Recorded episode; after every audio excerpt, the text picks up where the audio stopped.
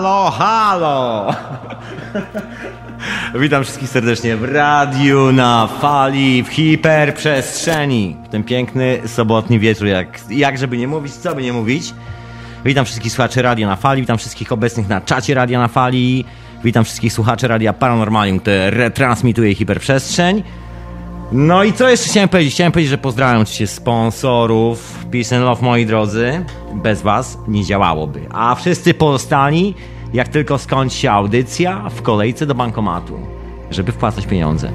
To tyle a propos Bilonu z Babilonu, słuchajcie. Dzisiaj mam ze sobą gościa, tuż obok. Właśnie. To ja może, może powiem dwa, ja właśnie nie wiem, może sam gościu powiedz o sobie coś. Może zacznijmy po prostu od tego, że, że gość się sam przedstawi. Dobry wieczór Państwu. Witam w radiu na fali w sobotnią noc. Jestem Koc. Ludzie na mnie mówią Koc. Bartek, po prostu Bartek. Powiedzmy, bądźmy po prostu normalni. No mogę być Bartkiem też. Ładnie. Także z nami jest dzisiaj Bartek. Co właśnie i z jakiego powodu? Ponieważ Bartek, słuchaj, bujasz się przez e, ostatnie lata, bujasz się, tak, piękne słowo. Właściwie przemieszkujesz e, kawałek roku zawsze na Karaibach, tak wyszło w ciągu ostatnich lat. No tak, przez, ostare, przez parę ostatnich lat złożyło się szczęśliwie, że mogę być na Karaibach raz w roku. Na pół roku. Nie na wakacje, nie na dwa tygodnie, ale na przynajmniej parę miesięcy. Żeby zobaczyć, jak wygląda życie po drugiej stronie planety.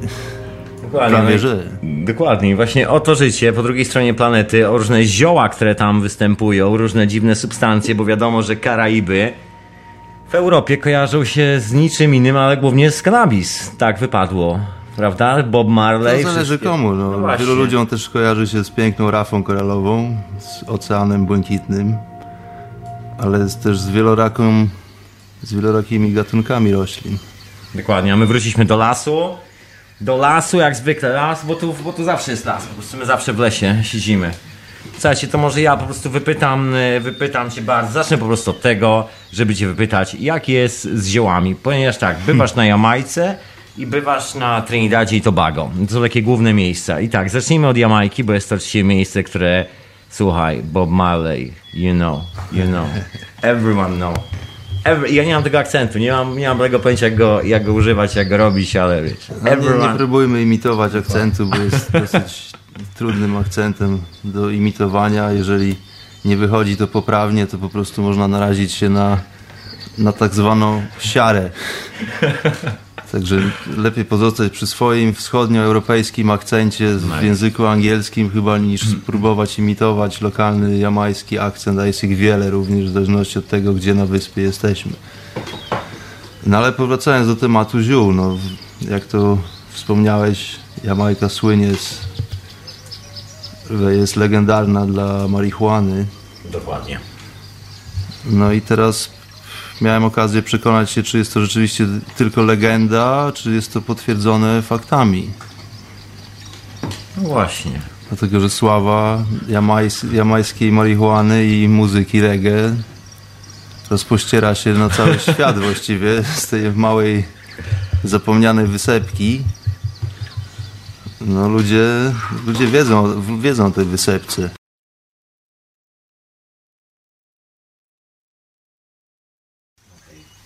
Może jeszcze raz dostać chyba 5 minut. no. Problemy techniczne, to ile się mamy cofnąć w wypowiedzi? Odrobinę, proszę pana, odrobinę. Okej, już jesteśmy z powrotem. Ile mam czasu na odpowiedź? Jak zwykle, jak zwykle to się musiało dziać. To wszystko przez te dziwne kable, tak zaszemrało kablami, jak zwykle rozłączyło, ale już jesteśmy z powrotem. Okej, to może Nie wiadomo, gdzie, gdzie przerwaliśmy wątek. Może, może popatrzymy na czat i może ktoś by nam Słuchaj, to może jeszcze raz tak czy siak po prostu powtórzmy po prostu tak jeszcze raz tą historią tak szybciutko z legalności, jak duże są kłopoty z tym związane, bo oczywiście jest to nielegalne. No więc zacznijmy od początku, o czym rozmawiamy. O, rozmawiamy o marihuanie, w szczególności o, o wyspie Jamajka na Karaibach, Dokładnie. Gdzie, gdzie mam okazję bywać. Mm. No jest to na pewno legendarna sprawa. Z Jamajki pochodzi gandzia i z Jamajki pochodzi muzyka reggae. Bardzo mocno rozpowszechniona dzięki między innymi Bobowi, Bob Marley. Nie wiem jak to się odmienia w języku polskim. Bobowi Marleyowi. No warto wspomnieć parę słów na temat tych, tych roślin. Na pewno są, stały się legendarne ze względu na to, że są bardzo wysokiej jakości moim zdaniem. Pod względem takim, że są to naturalne po prostu rośliny, które dojrzewają w słońcu, przepełnione bardzo dobrą energią. Już, już z ziemi biorą takie substancje odżywcze, mają takie naturalne nawozy, o których też wspomnimy później, że po prostu rośliny rosną w sposób bardzo naturalny, są nieprawdopodobnie aromatyczne i, i działają wspaniale. Aczkolwiek bardzo nielegalne na wyspie. Prawo jamańskie zakazuje hodowli, posiadania nasion i ogólnie uprawy i oczywiście sprzedaży i spożycia.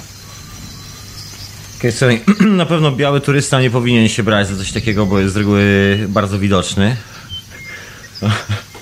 To znaczy tak, dla entuzjastów marihuany wiadomo, że takie bariery nie istnieją. Jeżeli jesteś na Jamajce, to będziesz chciał spróbować, czy chciała spróbować tamtejszego zioła. Tylko porada jest taka, że bardzo trzeba uważać, nosząc ze sobą zioło i, i paląc. Trzeba robić to w odpowiednich miejscach. Najlepiej jest mieć przyjaciół, którzy pomogą i wskażą radą. Lokalnych przyjaciół. Dlatego, że można popaść w ciężkie tarapaty po prostu, jeżeli złapie nas policja. Jest to inny świat. Służby policyjne działają zupełnie na innych zasadach niż w Europie, niż to, do czego jesteśmy przyzwyczajeni.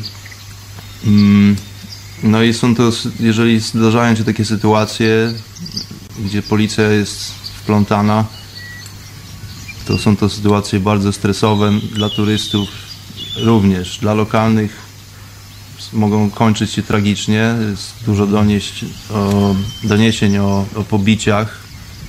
Ale co, policja jest taką mafią, czy Tak, jak to policja... wygląda?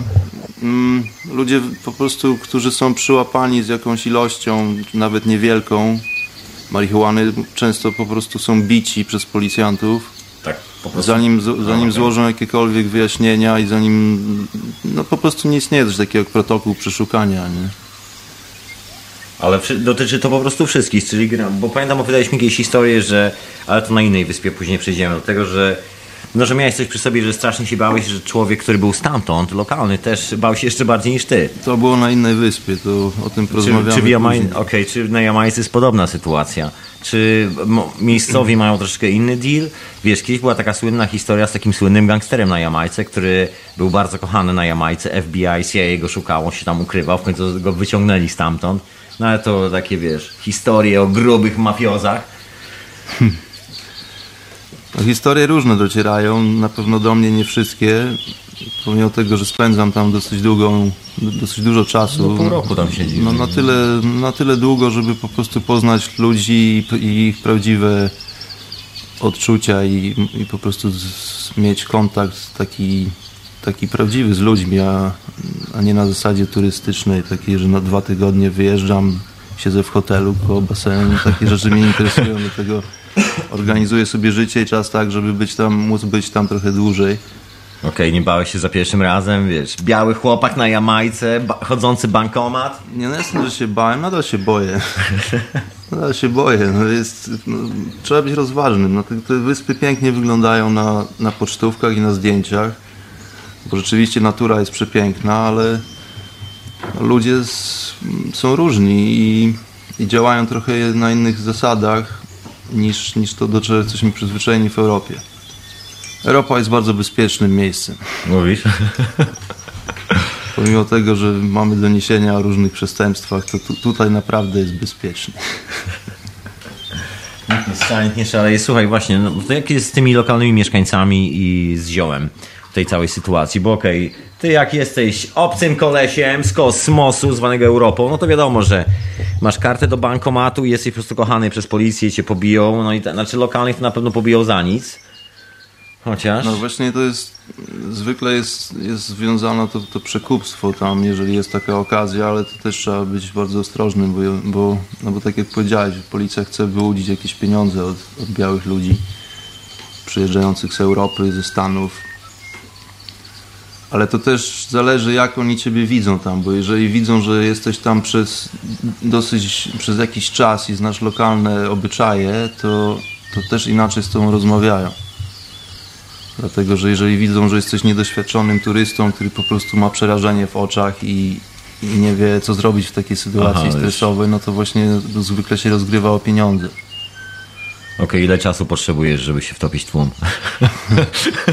Raz, dwa, trzy, cztery. No właśnie to jest cała zabawa na Karaibach w moim mniemaniu. Tam trzeba umieć się po prostu wtopić tak, na, tak, tak bardzo jak jest to możliwe, a nie być po prostu takim pyszałkowatym turystą, bo to przyciąga dużo uwagi. Okej, dobra, wracamy do roślin. Słuchajcie, wracamy do roślin. Yy, Z tymi roślinami chciałem się zapytać o kwestię uprawy, hodowli, bo skoro takie piękne miejsce, gdzie wszystko rośnie jak na drożdżach i jest takie słońce i ta roślina jest tej jakości. Yy, Drodzy słuchacze, w ogródku, w pewnym domu, w którym mieszkałem, e, miałem nasiona, zresztą ciebie Bart, właśnie nasiona z Jamajki, rośliny, która wrosła w Londynie. Już jej dawno nie ma, także możecie dzwonić po policję śmiało. Ja z tym absolutnie problemu. Słuchajcie, było to, była to jedna z najbardziej, jeżeli ktoś z was jest użytkownikiem kanabis, oczywiście nie wszyscy są użytkownikami, nie tak, że nie wszyscy muszą palić, oczywiście, jak najbardziej. No ale roślina była tu dla wszystkich koneserów, była niesamowita, słuchajcie, miała niesamowity aromat. No może nie wyrosła aż tak bujnie jak na zdjęciach na Jamajce, no wiadomo, że w Londynie nie masz takiego słońca, ona rosła w ogrodzie i to była jedna z najsmaczniejszych roślin, które wyhodowałem w okolicy. To były właśnie nasiona e, prosto z Jamajki. Chciałem, żebyś właśnie trochę opowiedział o tej historii z tą, e, no właśnie, z tą hodowlą na Jamajce, bo to nielegalne, wiesz, ryzykowne bardzo, a ludzie z tego tam żyją. To jest fenomen taki No jest, jak... to, jest to trochę fenomen, dlatego że są społeczności, które żyją sobie daleko gdzieś na, poza tymi głównymi centrami, takimi jak Kingston albo Negril, gdzie, gdzie, gdzie są takie plaże turystyczne. Są po prostu, oni to nazywają countryside, czyli trzeba jechać parę godzin po prostu gdzieś nad, gdzieś, gdzieś głębiej, dalej od głównych dróg. I są takie małe wioski, w których mieszka po 200-300 osób.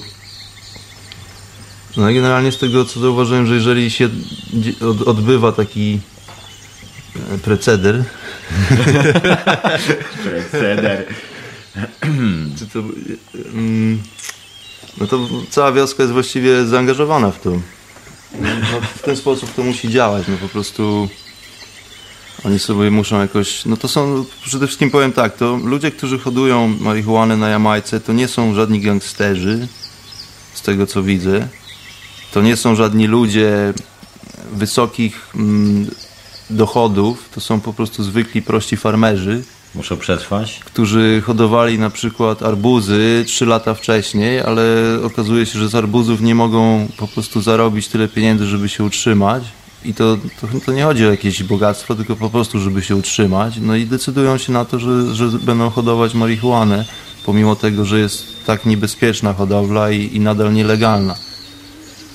Bo po prostu w ciągu roku można, oni zbierają 3 do 4 z- zbiorów no bo jest słońce na okrągło i po prostu te rośliny rosną na okrągło.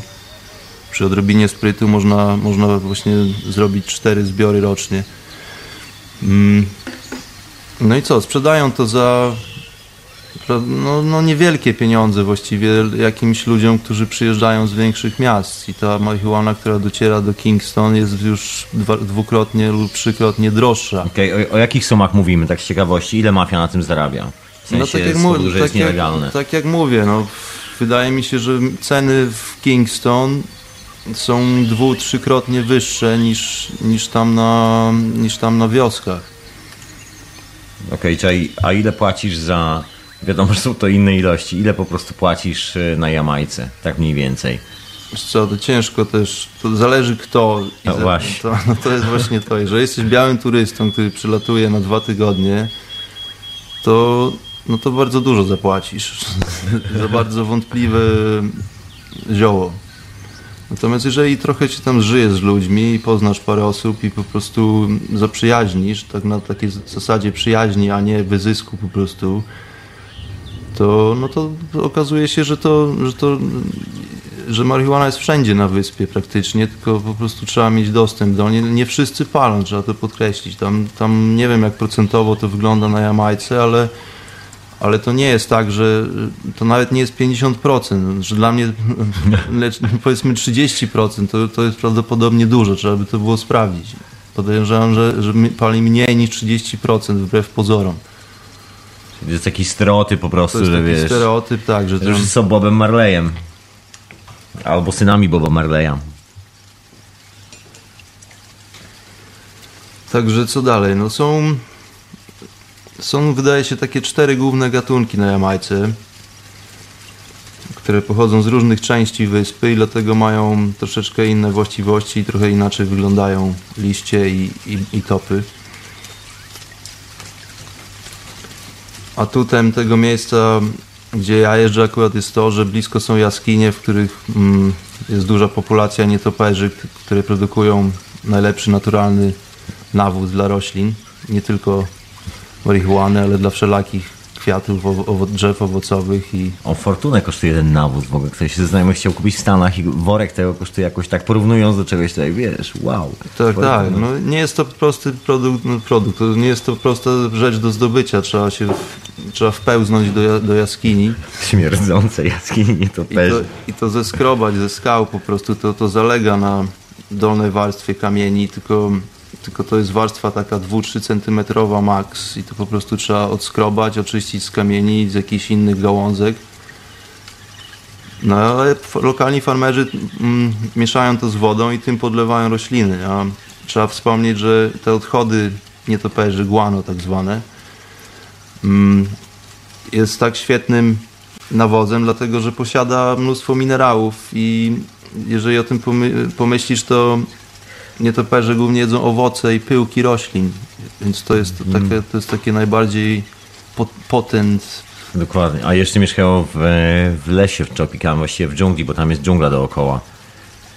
Właśnie, Tak. jak jest dżunglą, bo to są co, wykarczowane takie dzikie farmy, zioła wykarczowane w dżungli, gdzieś w takich niedostępnych Ja miejscach? widziałem parę miejsc. Ja widziałem uprawę na, mm, na rzece właściwie. Trzeba było płynąć takim czółnem do, do tego, no ale to, to była naprawdę wątpliwa jakość. E, pomimo tego, że właściciel tej małej, tego małego poletka był bardzo dumny z, z, z tych swoich roślin, to były, one były takie badylowate i, i właściwie mało miały wspólnego z tym, co, co widziałem w innych miejscach. No ale to są głównie takie tak zwane sawany, czyli to nie jest dżungla, to jest taki.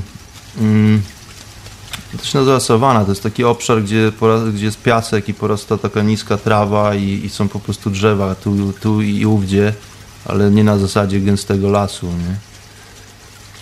I tam, jeżeli jest dostęp do wody, no to bo to jest najważniejsze, to do słodkiej wody, to, to po prostu tam powstają tak zwane ogrody. One nie są duże, one, one są rozproszone, tak żeby było trudniej je znaleźć i no i są takie jak, jak gdyby kultywowane na przemian, żeby był ten ciąg, ciąg taki zbiorów. No proszę bardzo. To co, robimy lekką przerwę, włączamy jakąś muzyczkę, moi drodzy. My to sobie popijemy herbatki jaśminowej, tym razem zielonej, polecam każdemu oczywiście.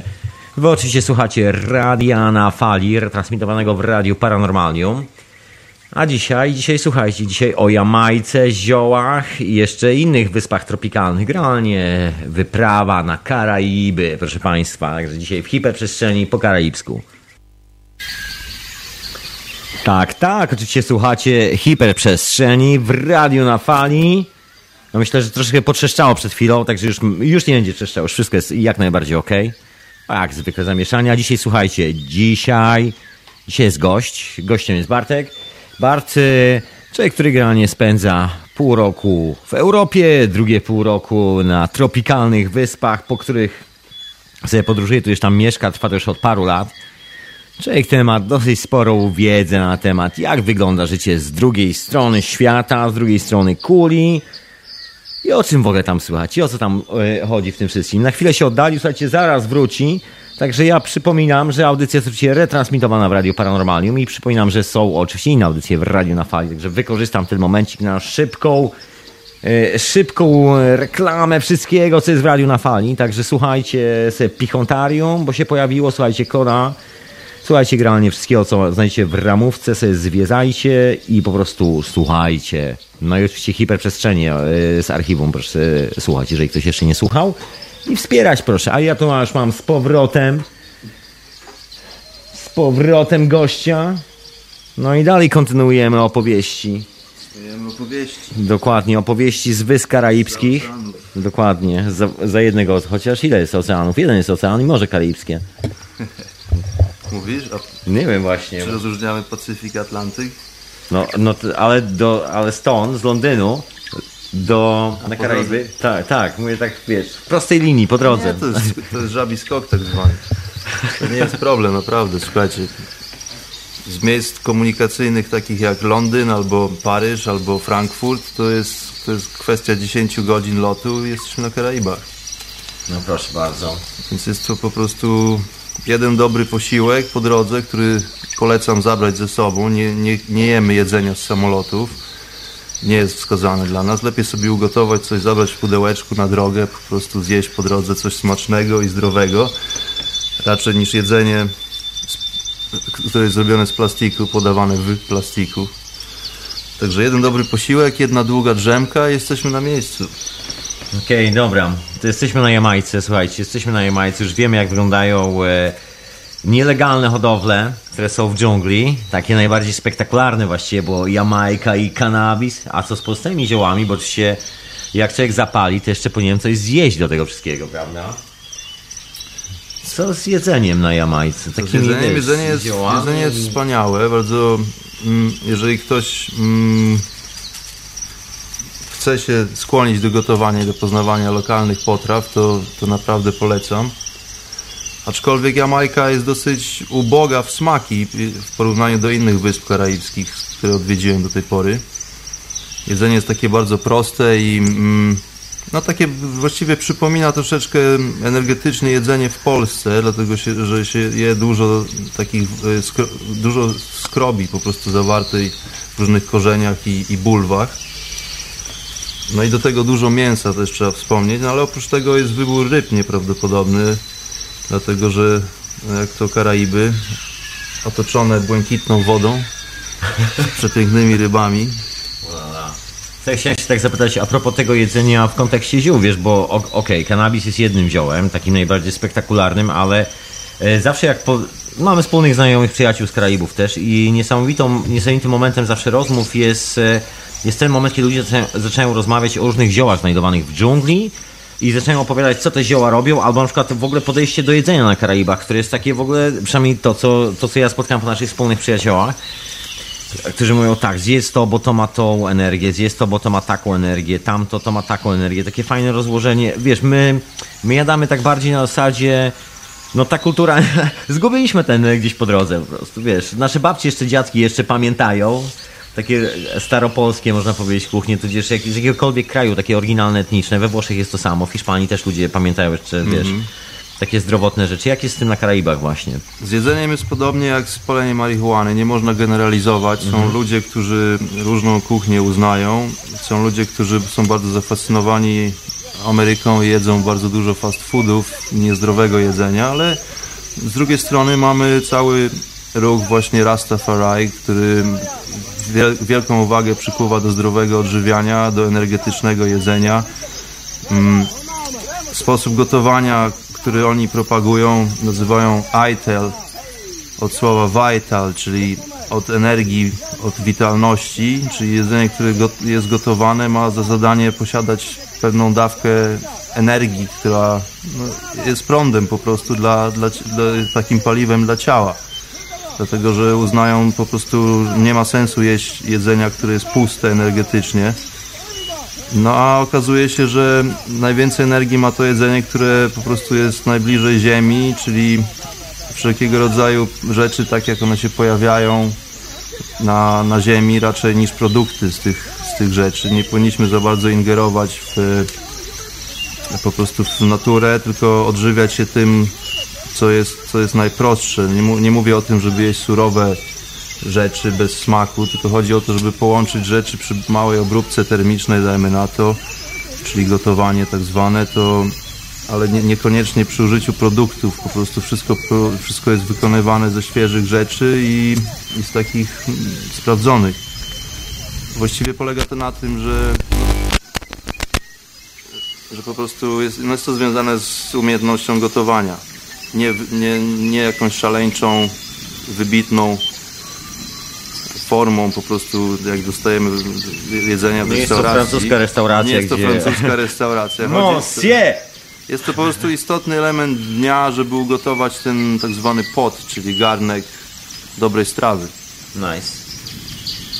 Co, takie pewnie jeszcze social do tego, czy jeszcze wszyscy się składają, to takie małe europejskie, nie, nie robisz sobie zdjęcia na Instagram?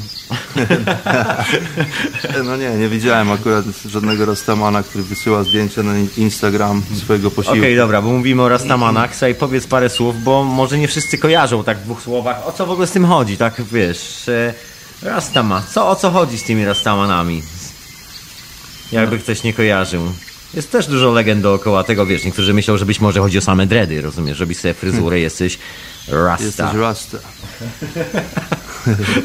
No może być i tak, wiesz, dla Nie, dready są z tym związane, aczkolwiek nie są rzeczą, która jest niezbędna w całym tym ruchu. Okej, spytamy się, od, spytam się ciebie o dready, zacznijmy od dreadów.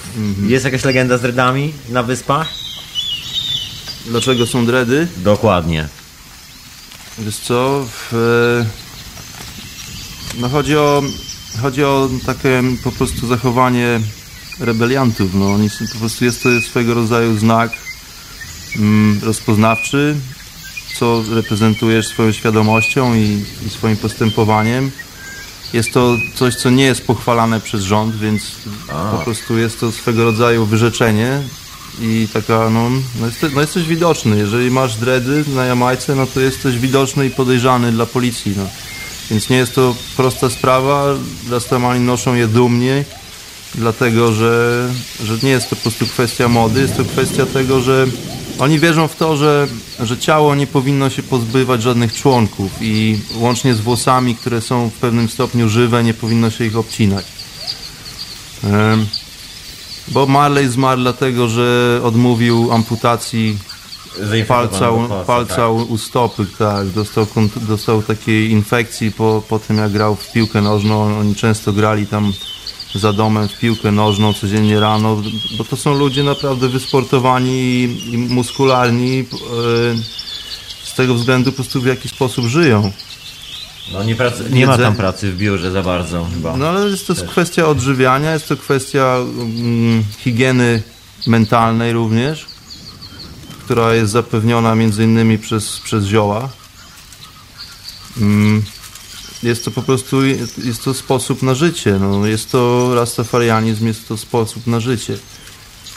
Nie jest, to, nie jest to religia. Wielu ludzi podejrzewa ten ruch o, o jakieś religijne aspekty. Z tego, co ja się dowiedziałem i doświadczyłem, nie ma to nic wspólnego z religią. Oni wręcz po prostu o tym mówią, że nie, żeby nie zaliczać tego, tego ruchu do żadnych religii, dlatego że nie ma żadnej religii, która jest słuszna.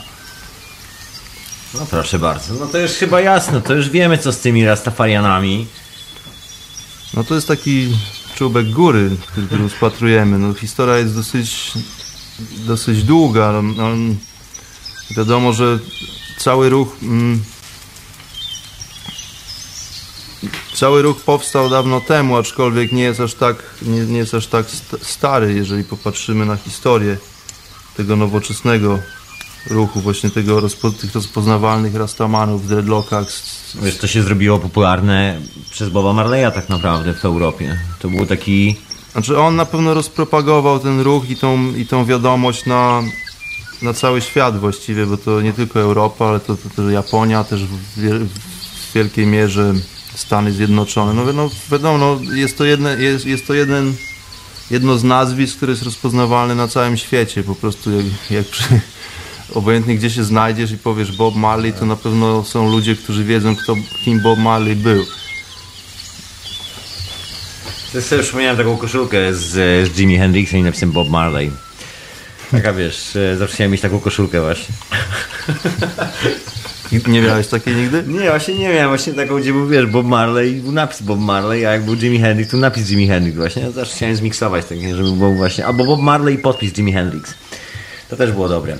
E, No cały ruch został rozpropagowany przez pana Markusa Gavey, który mm, po prostu był takim politykiem bardzo prężnie działającym na, na, na Jamajce i który miał też, też różne mm, akcje takie poza krajem, że tak powiem, po prostu próbował nakłonić inne, inne rządy do zwrócenia uwagi na to, że jest po prostu, że czarni ludzie są w dosyć mocny sposób wykorzystywani, a, a rząd właśnie na Jamajce też skorumpowany e, wyzyskuje po prostu biedotę, a, a oddaje profity tym, no, do, do których te, te profity nie powinny należeć. Czyli generalnie wygląda na to, że wszędzie na świecie jest bardzo podobnie pod tym względem. Znaczy Jamajka jest taka dosyć mocno, że tak powiem, kontrolowana przez Stany Zjednoczone. To jest taka dosyć oczywista sprawa.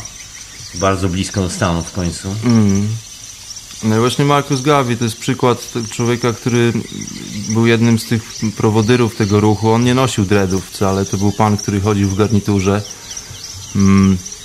Bob Marley jak też po, po, po, długi, długi czas jeszcze po, pomimo tego, że już się wdrażał w system Rastafari, nie nosił dreadów. Mm.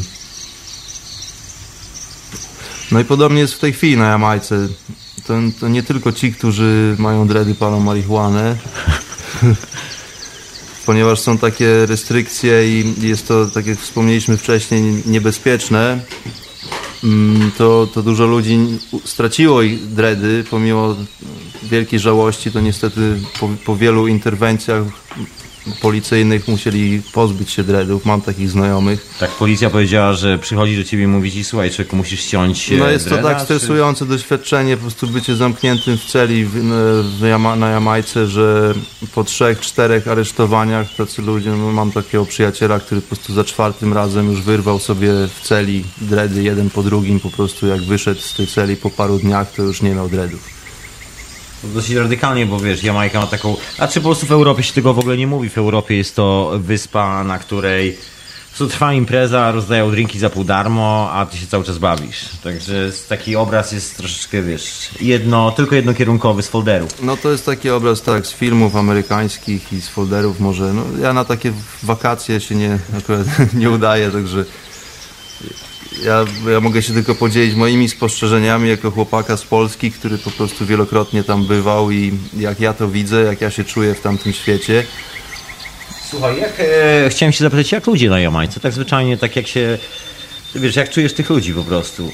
Bo, bo pochodzimy z takich krajów akurat bardzo w pewien sposób mocno zbliżonych, bo właściwie, przynajmniej my należymy jeszcze do, do tego pokolenia, które dorastało w miarę takiej, powiedziałbym, nieskomplikowanej i zbytnio niestechnologizowanej rzeczywistości bez, e, to nie był Londyn wtedy. Polska nie wyglądała jak Londyn, kiedy my dorastaliśmy. I jest pewien, e, zawsze mi się wydaje, że jest pewna nić połączenia. Nie ma problemu z, z odbieraniem takich najprostszych wartości po prostu przez ludzi z Karaibów i przez ludzi z Polski. Po prostu rozumiemy pewną siłę takich, wiesz, elementarnych wartości typu, wiesz, jest ziemia, jest drzewo, jest słońce, no te współczesne pokolenia, może no nie do końca nie wszyscy, chociaż wiesz, jak to w ogóle wygląda z tymi... Tam gdzie, tam, gdzie ja jeżdżę, właśnie countryside tak zwane, ludzie żyją w niesamowitej symbiozie z naturą. Mm, to widać na przykładzie rybaków, którzy wypływają rano, mają swoje miejsca, gdzie, gdzie poławiają ryby wszelkiego rodzaju homary. Mm. I widać po prostu jak oni współgrają z tym oceanem, który ich żywi na co dzień i, i oni się nie wzbogacają, ale po prostu ten dzień za, za dniem jakoś e, przebywają. To samo widać na przykładzie tych, tych właśnie plantatorów.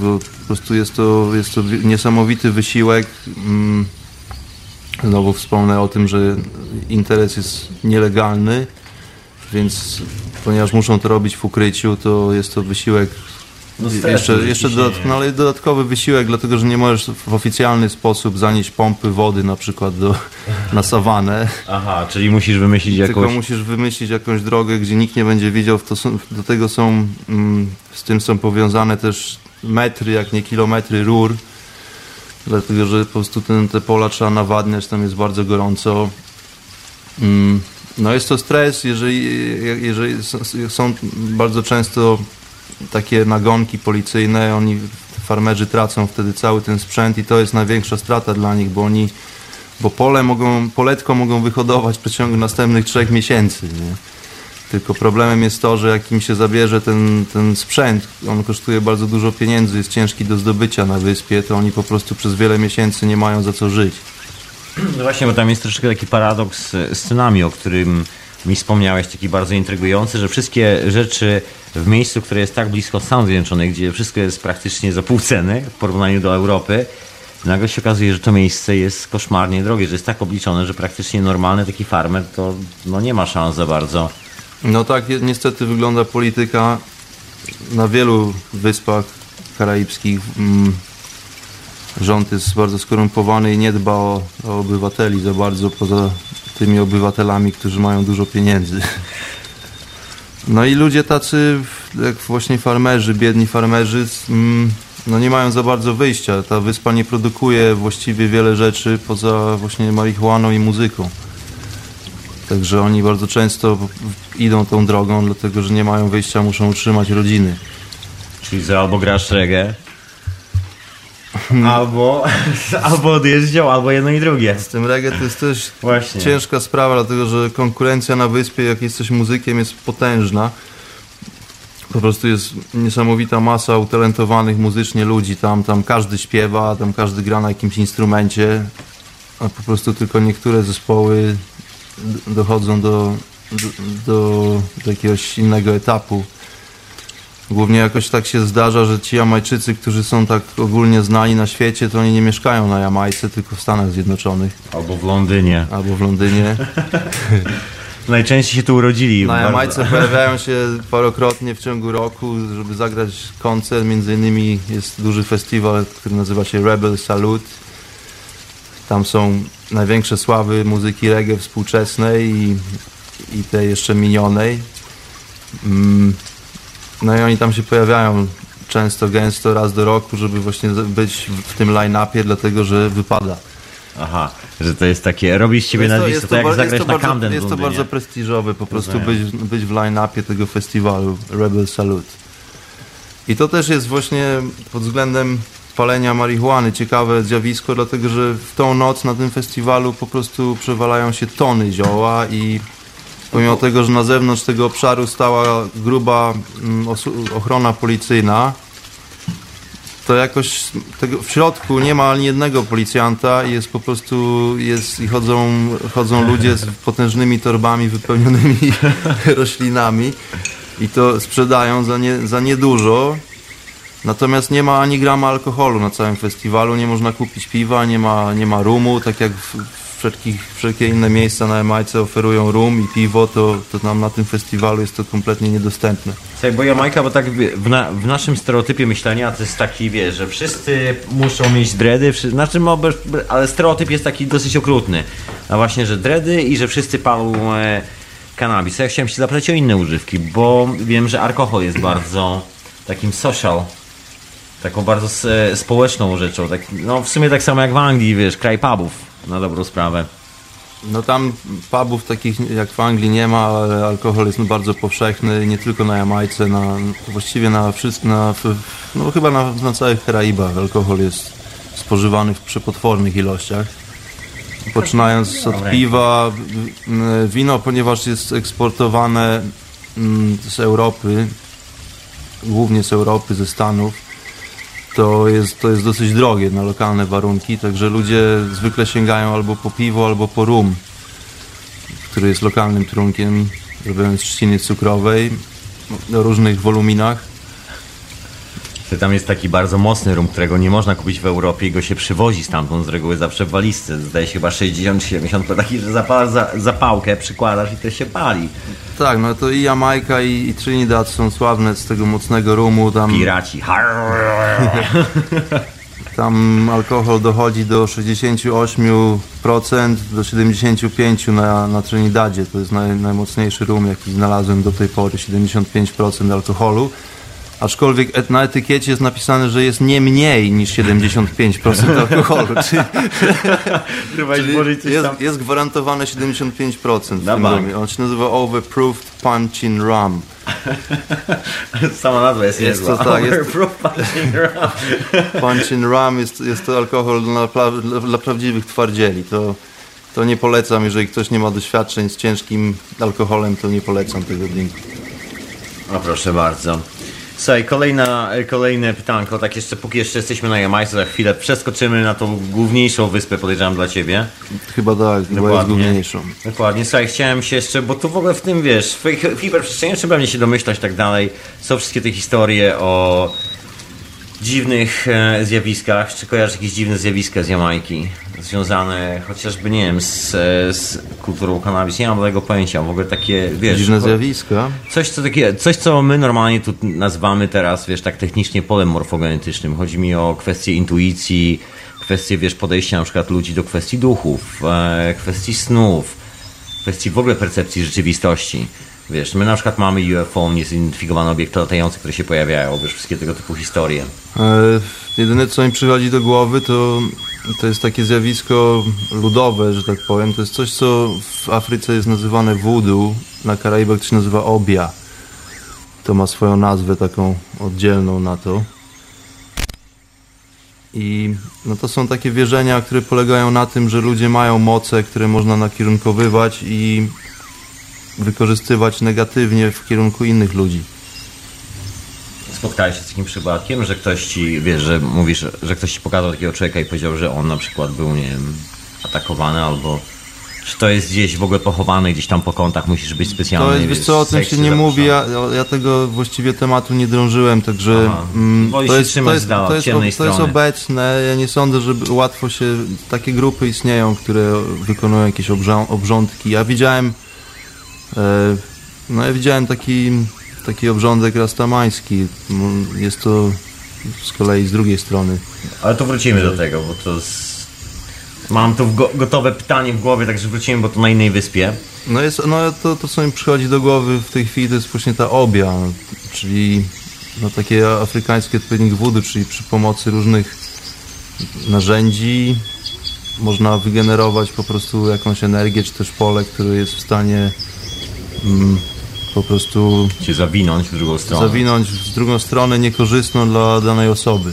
Wiesz, bo u nas jest taki paradygmat Czyli można rzucić na kogoś czar tak zwany. Słuchaj, bo u nas jest taki paradygmat kulturowy, że z reguły te rzeczy wykopujemy na zewnątrz. Wiesz, z reguły roz... ta cywilizacja, z której my pochodzimy, rozgląda się z reguły na zewnątrz. Wiesz, szukamy jakiegoś wizualnego śladu, czegoś na niebie, wszystkich takich bardzo technicznych rzeczy. To nawet jeżeli spojrzysz na współczesną religię zwaną nauką, no to szuka się dowodów na istnienie czegoś. Musisz mieć dowód. Także ciekawa historia jakby jest z tym podejściem z drugiej strony, że to, co jest tam schowane po, w tej kulturze gdzieś tam pod spodem, to lokalne wodu jest właściwie operowaniem z drugiej strony, czyli tą wiarą w to, że wiesz, stwarzasz tą energię. Taki inny po prostu z drugiej strony paradygmat, powiedział. Tak to wygląda z zewnątrz. Mhm. Nie wiem, czy to się czuje jakoś tam na miejscu specjalnie. Nie mam no ja, nie, nie, ja takich, z takimi rzeczami się nie spotkałem do tej pory. Jeżeli się spotkam, to na pewno zanotuję i porozumiemy się w tej kwestii. No, ja myślę. To co, jakaś muzyczka? Robimy przerwę na muzyczkę. Tak jest. I... E... To może jakiś dabik. Słuchaj, to ja może na razie włączę coś innego i ustawimy dabik, bo nie jestem przygotowany z dabikiem, tak powiem. Także, a wysłuchajcie oczywiście hiperprzestrzeni retransmitowanej w Radiu Paranormalium, a oczywiście w Radiu Radio na Fali oryginalnie. E, ze mną jest gość Bartek. Człowiek, witam, specjalista z Karaibów, słuchajcie, no specjalista jak specjalista. Teraz każdy chyba może powiedzieć, że jest specjalistą. Wiesz co chodzi? Wychodzisz w telewizji, stary, kawałek kamery, zakładasz marynarkę, koszulę, krawat jest dobry i mówisz, e, nawet nie musisz mówić, bo chodzi o to, że był pasek na dole, że jesteś specjalistą. No ja mógłbym być ewentualnie specjalistą w kąpielówkach i w klapkach. Flip-flops. W garnitury raczej się nie bawię. Za gorąco. to muzyczka. Siabadabada, my tu serdecznie gadaliśmy na boku. E, a wy oczywiście słuchacie hiperprzestrzeni w radiu na, na fali. A dzisiaj ze mną jest gość e, Bartek i Bartek opowiada. Bartek robi po prostu karaibski klimat, kiedy jest zima w Europie i tyle, no dokładnie, o to chodzi. I teraz przenosimy się, słuchajcie, po wyprawie na Jamajce przenosimy się na właśnie tą konkretną wyspę Trinidad Tobago, która dawniej była polską, i to była jedyna polska kolonia, słuchajcie. Poważnie, to, była, to się nazywało... To się zgadza, tak. O mało, o mało Polska nie, nie ma kolonii na. Karaibach. Ale jest, y, jest kamień węgielny wmurowany, taki pamiątkowy, nazywał się to Nowa Kurlandia i znajduje się to na Tobago. Mamy gościa, ma, mamy telefon, już odbieram. Halo, halo, witam serdecznie. Witam, Halo, halo. witam panie Grzegorze, witam serdecznie. Jak zdrówko? No u nas tu wszystko dobrze. E, czekaj, bo tu... Idealnie, proszę tylko wszystko ściszyć. Halo? Dzień dobry, witam serdecznie. Witam. Jak zdrowie szanownej pani? Dobrze. Bardzo. Doskonale, dziękuję bardzo za odpowiedź.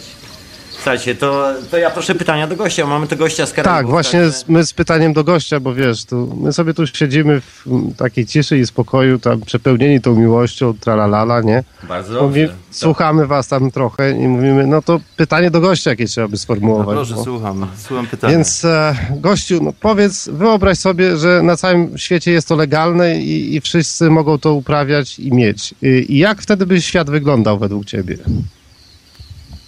Według mnie świat, świat wyglądałby troszeczkę lepiej. Jeżeli nie bardzo inaczej i lepiej.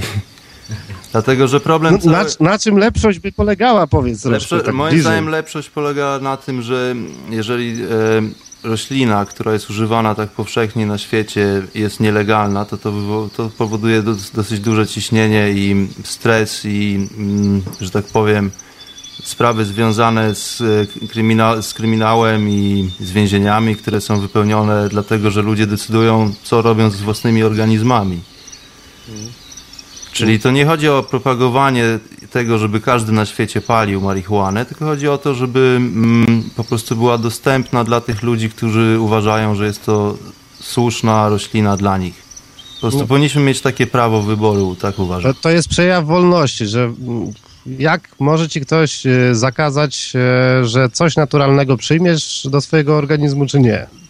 Tak. Czy chcesz zjeść muchomora, to go zjesz. Czy naturalnego, czy nienaturalnego. Po prostu uważam, że jedyne, co tak naprawdę posiadamy na tym świecie, to nie są żadne bogactwa, tylko to są nasze własne ciała, organizmy.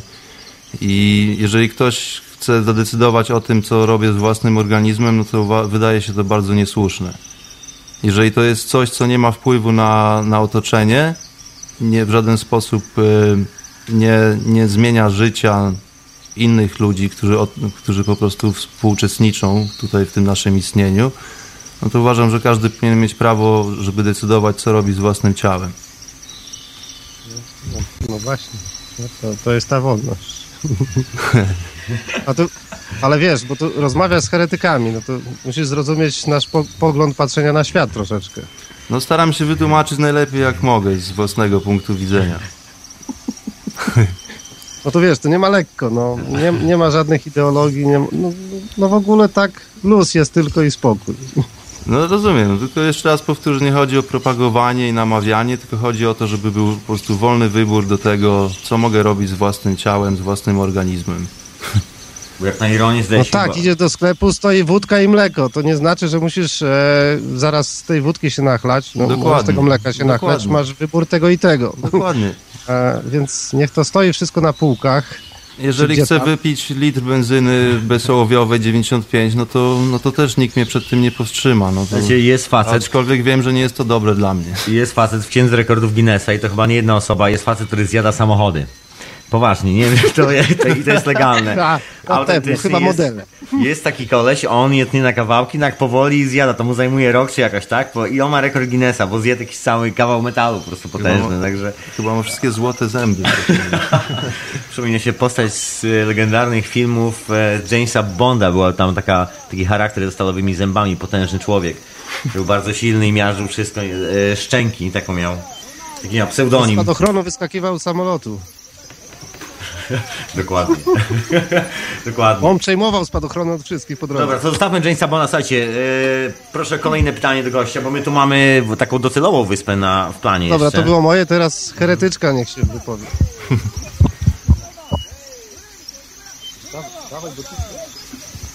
Kolejne pytanie. Dokładnie. No witam, prosimy o pytanie.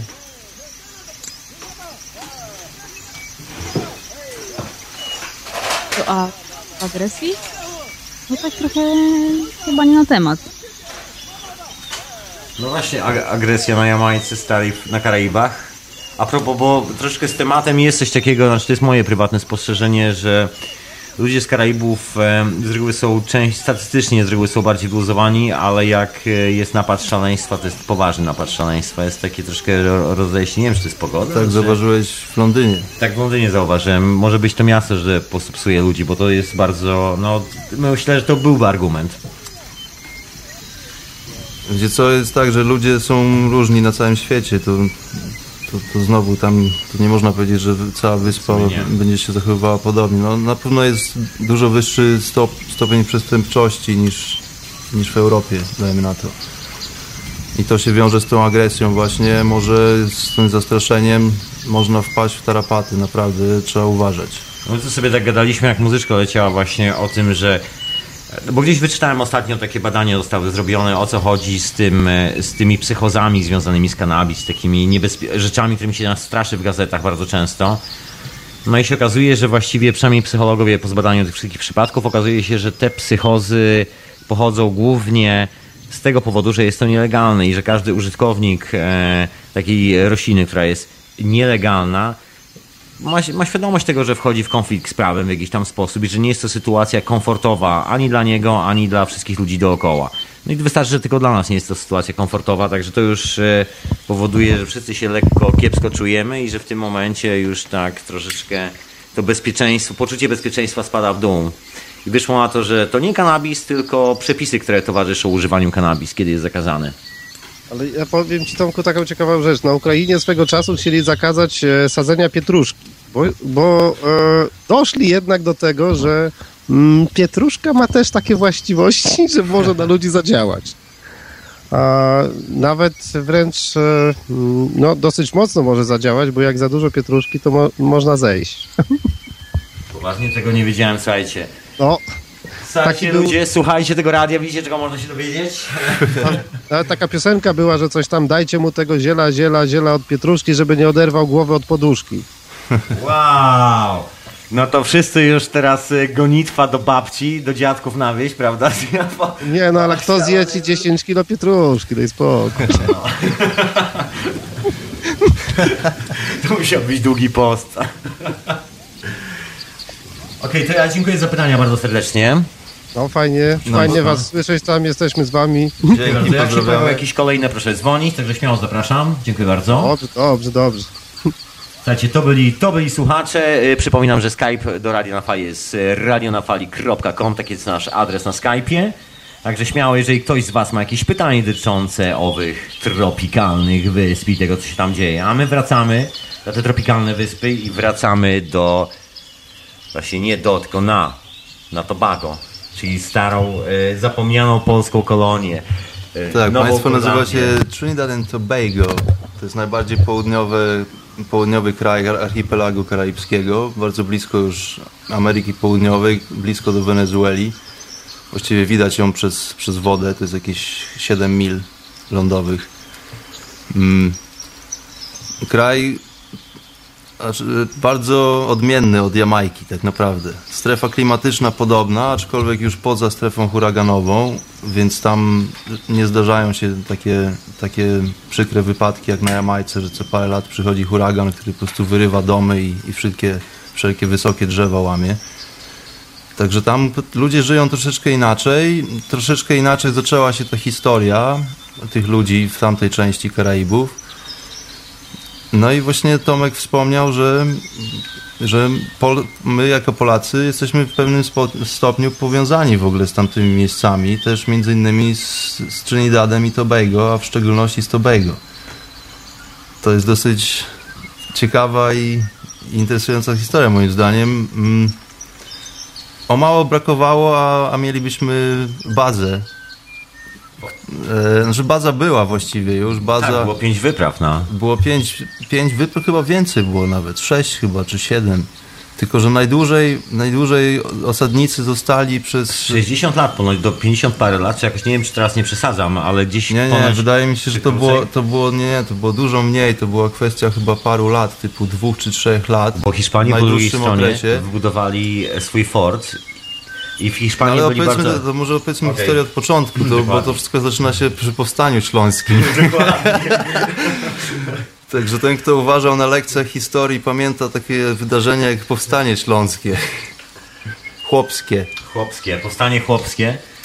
Bo polscy królowie byli, byli, że tak powiem, agentami Watykanu i gnębili chłopów. Kara za śpiewanie ludowych piosenek, które były pogańskie w, w polskim królestwie była taka, że wyrywano chłopu język. Jak go po raz drugi złapano. Za pierwszym razem batorzono, a za drugim razem jak ktoś usłyszał, że śpiewa pogańskie piosenki, to obcinano język. Tak, przy wszystkich, żeby, żeby było wiadomo, że Kościół jest tylko jeden i że Bóg jest tylko jeden. Także po powstaniu chłopskim e, dużo, dużo... Znaczy- wyszło na to, że ja nie uważałem na lekcjach historii, bo to nie śląskie powstanie, tylko chłopskie się No nazywało. niby tak, no. Ale może ze Śląska też byli, wiesz. Na pewno byli. Na pewno. No i e, historia była taka, że po nieudanym oczywiście powstaniu zbiegli e, na Prusy. Bo oczywiście klasztor, jak na ironię, kla- klasztor zakonny okazał się bardziej heretycki niż polscy królowie, także udzielił gościny tym wszystkim ludziom, którzy wypowiedzieli swoje poddaństwo polskiemu królowi, zdaje się. Dlatego kapitanami statków byli, zdaje się, Niemcy czy Holendrzy, zda, jakoś tak. Statków, na których płynęli owi osadnicy do Nowej Królandii. To miało powstać nowe królestwo, takie no, polskie, Nowa Królandia, polskie chłopstwo. Takie lepiej douczone postanowiło założyć swoją własną tropikalną plantację kokosów. Była, nie, to była najpierw baza wojenna tak naprawdę. Tam wcale nie było, nie było- wielu Polaków. Tam liczby były typu 20 osób, aczkolwiek był to regularnie stacjonujący garnizon. Jeden z paru w tym czasie na wyspie, dlatego że tam byli w tym samym czasie na wyspie i Francuzi, i Anglicy, Hiszpanie. i Hiszpanie, tak. Także na wyspie są z tego czasu jeszcze pamiątki takie jak nazwy różnych, różnych miejsc, wiosek na wyspie, na przykład Le Coteau. Le. Le Coteau. Jest miejscowość właśnie, o której mówimy, gdzie znajdował się owy garnizon, nazywa się Plymouth, czyli tak samo jak miasto w Wielkiej Brytanii. No jest parę innych takich przykładów. No i właśnie tak się zaznaczyliśmy na, na Karaibach, między innymi. Słuchaj, bo mam pytanko do ciebie a propos Już bardzo ciekawej, ciekawej rzeczy związanej z ludem Karibów, który normalnie został wytłuczony przez Hiszpan praktycznie do nogi na praktycznie wszystkich wyspach. Są legendy, ty, ty ją potwierdziłeś, teraz- teraz to już nie jest legenda, że jednak Karibowie Przetrwali, tak. przetrwali właśnie na Tobago, bo właściwie wszędzie indziej ten naród został. Hiszpanie, jak tylko spotkali Karibów, ich mordowali. Fenomen tej polskiej kolonii, tej Nowej Kurandii, polegał na tym, że e, to była jedyna, jedyny fort wojskowy, który miał ponoć pokojowe stosunki wymieniał się z oryginalnymi Karibami, czyli mieszkańcami wysp, e, zanim pojawili się Hiszpanie, bo Hiszpanie ich od razu mordowali, nie czekając na nich, żeby ich zastąpić niewolnikami, ponieważ Karibowie nie, umierali w niewoli, nie nadawali się na niewolników. To się zgadza, tak. Oni pojmani mm, nie byli w stanie przetrwać lub też powodowali po prostu stany takie, w których umierali. Mm, Historia jest taka, że na Trinidadzie i Tobago nadal są oryginalni Karibowie, czyli ludy, które przybyły z, e, prawdopodobnie z głównego lądu, czyli z obszarów, które nazywamy teraz Ameryką Środkową głównie. Mm, w tej chwili szacuje się, że na Trinidadzie zostało około 120 oryginalnych Karibów. Stąd zresztą swoją nazwę wzięły Ka Karaiby. No, Caribbean po prostu pochodzi od, od nazwy lokalnych ludów, które były nazwane Karibami. Spotkałeś w ogóle takiego Kariba? Spotkałem paru Karibów. E, w, takim przewodniku turystycznym przeczytałem kiedyś informację o jednym z Karibów, który jest szamanem lokalnym i wybrałem się do niego, żeby, żeby zapoznać się z nim i dowiedzieć się, czy, czy jest jakaś mo- możliwość po- pobrania po prostu nauk. No ale niestety nie, nie udało się go zastać, był gdzieś w, w buszu i nie wiadomo było kiedy wróci. Widziałem się z jego synem. Teraz będzie okazja. Widziałem się z jego synem. No wiem, wiem, gdzie jest jego dom. To jest taki normalny pan, który mieszka tak jak podobnie jak jego sąsiedzi w domu, takim typowo trinidadzkim po prostu i, i, i często chodzi do buszu na, na takie wyprawy parodniowe. Nie? Także to był jeden z tych oryginalnych Karibów. Co oprócz tego, no, e, udało mi się zwiedzić taki archeologiczny site, Właśnie, bo e, nie, Właściwie nie był to żaden archeologiczny site, po prostu to co się stało to po, po wielomiesięcznych deszczach obsunął, obsunęła się skarpa taka przy plaży, już przy oceanie. obsunęła się dobre 8-10 metrów, także z, z ziemi wyłoniły się nieprawdopodobne przedmioty. I po prostu nie skłamię, jak powie, że, powiem, że tam były tysiące po prostu garnków rozbitych na części. Y, Są to ślady pozostałości właśnie oryginalnej wioski Karibów, którzy żyli prawdopodobnie w jakiejś tam znacznej odległości od oceanu w tamtych czasach. Tylko ocean zabiera po prostu ląd i to się teraz po, po tylu latach odsłoniło. Wiesz, to jest ta historia z podnoszeniem się poziomu oceanu, który się wydarzył 12 tysięcy lat temu, o którym mówi Graham Hancock. Że ten poziom było wiele niżej i właściwie te wszystkie wyspy miały przejść e, z lądem, o czym mówią Indianie Kogi też gdzieś tam w legendach. A to nie wiadomo, bo z Indianami Kogi, bo jest tak, że wiesz, nie chcą gadać z białymi, także nie wiadomo, czy to ich legenda, czy ktoś wymyślił po drodze. Ale w takie każdym razie to te szczątki, zresztą przywiozłem ci jeden taki Tak, oczywiście, że tak. szczątek. E, No są datowane na bardzo, bardzo stare. To są, mówimy teraz w tej chwili o, o 3-4 tysiącach lat, jeżeli nie więcej. To są takie zwykłe gliniane garnki po prostu, po, po, które są właściwie rozbite na części, bardzo rzadko zdarzają się kompletne elementy. No niestety wszystko to się marnuje, na, na miejscu nie ma żadnej takiej prawdziwej no, instytucji lub ludzi, którzy by się tym zajmowali mm, wydobywaniem tego i jakimś takim konserwowaniem. To wszystko, to co nie zostanie wyzbierane, czyli to takie lepsze, ciekawsze fragmenty, Na kolekcjonerski Wraca- rynek do Stanów nielegalnie. E, no, tak. no jest to niele, no nielegalna jest sprzedaż takich rzeczy, ale jest parę ludzi, którzy, wybiera, którzy właśnie wybierają te co ciekawsze eksponaty i zachowują je na wyspie, a reszta po prostu zostaje zabrana przez ocean. Z powrotem. I, no i rozpada się na pył, dlatego że ta obróbka przy, przy brzegu, fale po prostu niszczą to w przeciągu paru tygodni. No ale miałem okazję zobaczyć to przez parę miesięcy było dostępne i naprawdę zadziwiające rzeczy. No proszę bardzo, to co? To ja mam, y, to może zrobimy lekką przerwę, tak gadamy i gadamy. Aż wyschło w gardle. Aż wysłał garda, dokładnie. I, e, I kolejne opowieści, słuchajcie, o Trinidadzie i Tobago, już może nie o koloniach, tylko o czasach dzisiejszych. Będzie troszkę dla wszystkich miłośników grzybów, słuchajcie, bo się okazuje, że grzyby rosną w wielu miejscach na świecie, nawet na tropikalnych wyspach. I to te grzyby, które zawierają ową magiczną substancję zwaną psylocybiną. A wy słuchacie hiperprzestrzeni w radiu na fali retransmitowanej w radiu Paranormalium. Adres do radia na fali na Skype, jakbyście chcieli zadzwonić, bo macie na przykład jakieś pytanie i chcecie się czegoś dowiedzieć na temat, jak wygląda życie po drugiej stronie Atlantyku na Wyspach Karaibskich. To zapraszam bardzo serdecznie radionafali.com, taki jest nasz adres na Skype, a ze mną dzisiaj jest właśnie gość, specjalista.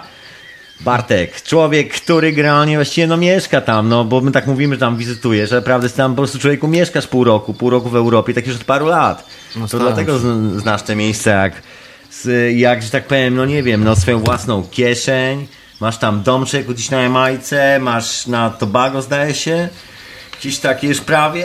No swoich domów nie mam póki No, co, to- ale pracuję nad tym. Dokładnie.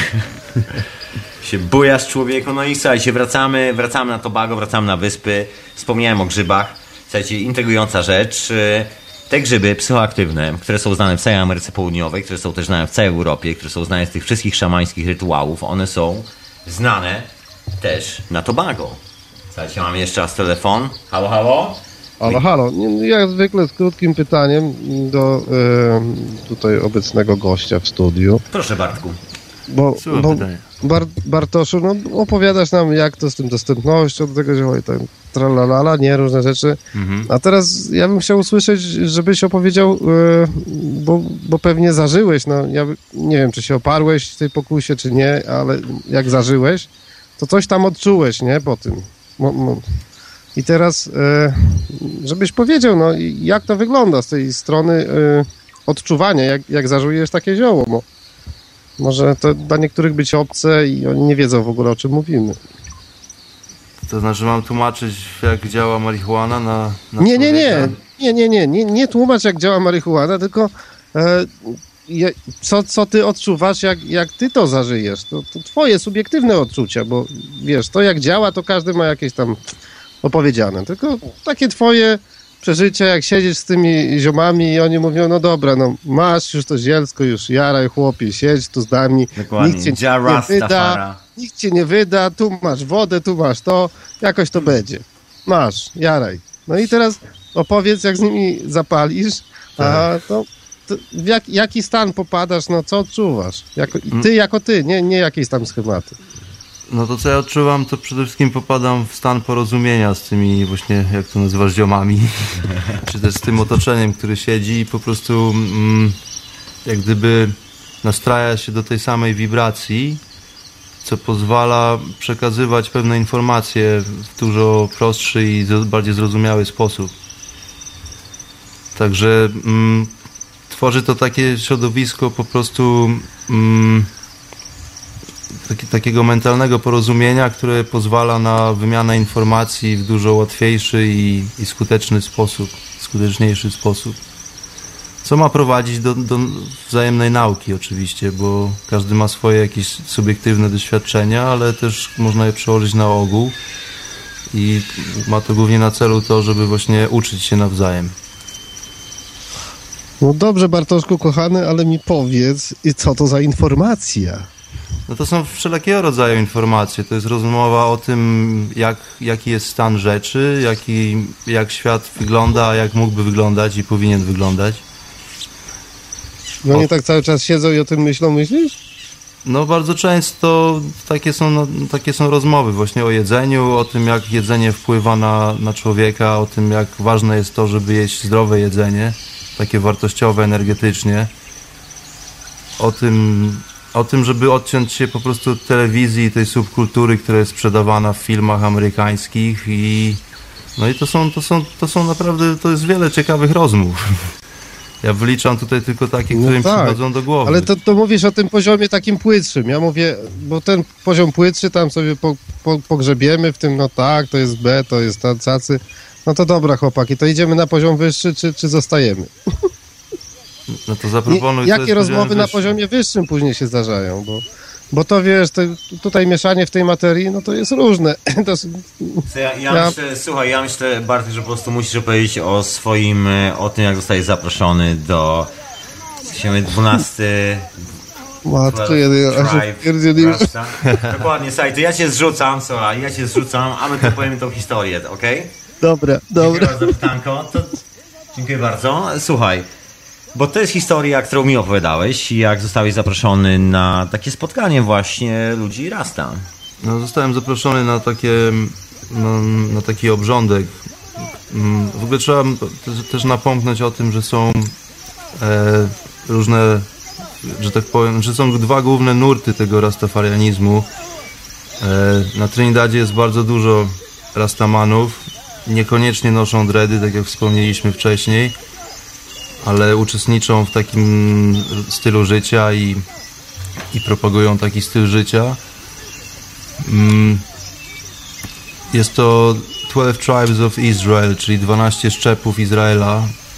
To jest jedna z grup, która jest, wydaje się, trosz, troszeczkę mniej ortodoksyjna w pewnych kwestiach. Yy, To są ci, którzy by- nosiliby takie berety kolorowe albo w kolorach, yy, w kolorach afrykańskich przodków Etio- z Etiopii, bo stąd wywodzi się też ten nurt cały czyli złoty, zielony i czerwony kolor. Słuchaj, tam jest historia z tymi obrączkami też na rękę, że na przykład tak jak wiesz, nie noszą, bo to jest niewol... przypomnienie o niewolnictwie. No właśnie są, no są tacy bardziej, jest taka troszeczkę bardziej orto- ortodoksyjna grupa. Oni nazywają się Bobo Shanti. To są ci rastamani, którzy zwykle chodzą w takich turbanach, e, które tak wystają do tyłu głowy, wysoko noszone.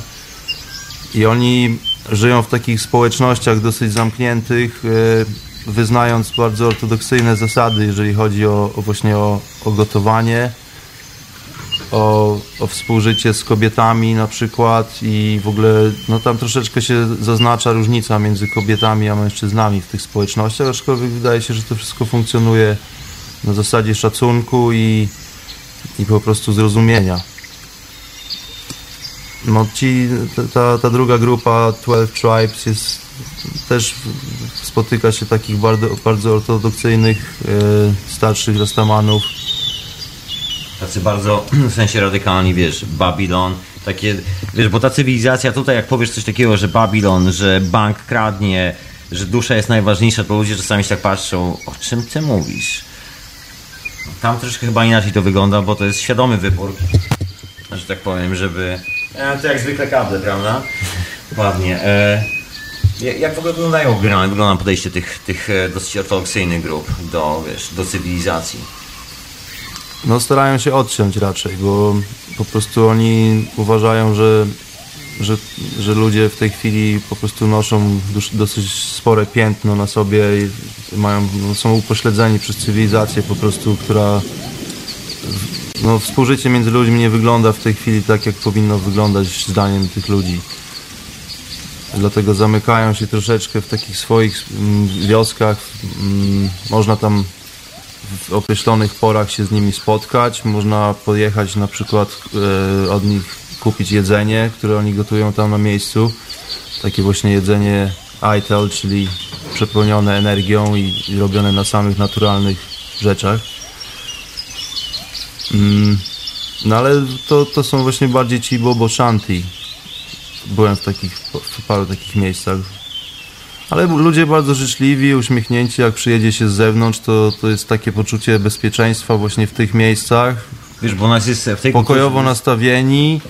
Trzeba ich szanować po prostu i, i Wiesz, no nie próbować to- rozumieć, że oni troszeczkę, no po prostu, no my, my się musimy nauczyć, bo my przyjeżdżamy tam, więc to my się musimy nauczyć, dlaczego oni tak żyją, a nie na odwrót. Okej, nie jest to taki smętny klasztor, e, nic z tych Nie, rzeczy. nie, nic takiego. Nie, Bardzo, wręcz przeciwnie, bardzo kolorowe, mnóstwo różnych malowideł dookoła. To Muzyczka. Głównie, tak, pojawia się wizerunek Hailego Selassie I. E, Kontrowersyjna postać. bardzo kontrowersyjna postać, tak, ale nie dla nich. Oni wierzą w to, że, że jest to po prostu potomek króla Salomona w prostej linii krwi. I cokolwiek by nie robił, tym potomkiem po prostu jest. Jest. Mocna, mocna historia. Ta druga grupa, ja uczestniczyłem w takim rytuale właśnie, on to się nazywa Feast. Mm, To jest taki obrządek, który polega na tym, że w e, określonej fazie księżyca rozpoczyna się ten cykl, który trwa raz w miesiącu przez resztę roku, później jest trzy miesiące przerwy. Mm, No i to są takie spotkania, które są związane dos- dosyć mocno z tradycją, jak ja to odczułem, afrykańską. Taki po prostu dosyć silny powrót do korzeni afrykańskich, bo jest, bo jest muzyka związana, y, wplątana w to wszystko dużo, dużo bębnów. Po prostu jest mnóstwo ludzi, którzy siedzą, grają na różnego rodzaju grzechotkach, bębnach i, i do tego śpiewają takie tak zwane szanty, czyli są to zawołania w ogóle w, e, no, w języku, który nie jest ani angielskim, ani afrykańskim. No to jest pradawny język. Poważnie jest. Tak, tylko Teraz... teraz... słowo. No nie, nie znam, to są, to są melodie, to są takie zawołania, że jest po prostu w, i, i, mm, po jakimś czasie, jeżeli ten rytm staje się po prostu transem, to, to jest, jest zakrzyknięcie jednego z rastamanów, którzy, którzy skaczą, kołyszą się w rytm tych, tych grzechotek i tych bębnów i później cała grupa odpowiada mu na to. Okej, czyli, Czyli, taki... czyli on coś mówi, a cała grupa to jak gdyby potwierdza i no jest to wszystko w charakterze, w charakterze takiego, takiego parugodzinnego transu, nie? Do tego jest przygotowywane jedzenie, które w dosyć specyficzny sposób jest tam gotowane i podawane też. y, Kobiety właśnie są troszeczkę na, mają inną funkcję. One Właśnie tam, mam pytanie na czacie w ogóle, jaki jest, e, jaki jest stosunek, jaka jest relacja między kobietami a mężczyznami, bo wiesz, my jesteśmy w takiej bardzo męskiej kulturze. Wojna, prezydentem jest facet, nawet jak jest e, kobieta prezydentem czy kimś takim, to nawet, wiesz, to nawet ona nosi karabin, coś w tym stylu. Znaczy tam trzeba wspomnieć o tym, że na Trinidadzie statystycznie przypada 5 kobiet na jednego mężczyznę. Więc sprawa rozwija się troszeczkę inaczej. Społecz... Wszystkie chłopaki już pokoju bilet na trening. Okej, dobra. No, jest to No jest to mały kraj, właściwie mm, liczebność ludzi to jest, populacja to jest 1,4 miliona na obydwu wyspach. No i teraz można sobie łatwo policzyć, jeżeli jest 5 kobiet, które przypada na jednego mężczyznę, to jest to dosyć duża proporcja. Duża. No jak jest z kobietami, no jest, jest, jest równouprawnienia. Tr- Trinidad wydaje się dużo, dużo bardziej cywilizowany niż Jamajka. Jamajka jest taka, nadal wydaje się zacofana, taka tak, taka mm, technologicznie do tyłu. Pomimo tego, że produkuje się tą muzykę, to na przykład produkcje filmowe na, z Jamajki są bardzo mierne. Podczas gdy na Trinidadzie produkcja filmowa się rozwija świetnie. I no i, i też jakieś Okej, tam okoliczne sprawy. Różnica na przykład w muzie, bo na Jamajce masz reggae, a oczywiście na Trinidadzie masz bardziej chyba Jamaj... zdaje się. mm, Jamajka głównym nurtem w tej chwili, z tego co ja widzę, to jest dancehall. To są, no to jest, to po prostu to, to jest muzyka mas, która no nie jest zbyt głęboką muzyką. Przesłanie jest bardzo płytkie, generalnie mm, w dużej mie- mierze teksty są skierowane po prostu na, na akt płciowy między kobietą a mężczyzną, który niekoniecznie wygląda romantycznie i te teksty, są niecenzuralne. A muzyka no jest, jest rytmiczna, no są wyjątki, wiadomo, są wyjątki, ale to jest główny nurt w tej chwili na Jamajce. Mm, jeżeli ktoś rozumie teksty, jest w ogóle taki, ostatnio odkryłem, jest polski zespół dancehallowy, który też używa tekstów niecenzuralnych. No brzmi to śmiesznie trochę dla mnie po polsku. Nie będę przy, przytaczał cytatów tutaj. Mm, także na pewno dancehall na Jamajce, reggae jest też bardzo popularne. No ale są mm, też, też ludzie słuchają sok, soki. Soka music to jest coś, co jest na pewno e, wyznacznikiem Trinidadu. To jest muzyka, która stamtąd pochodzi.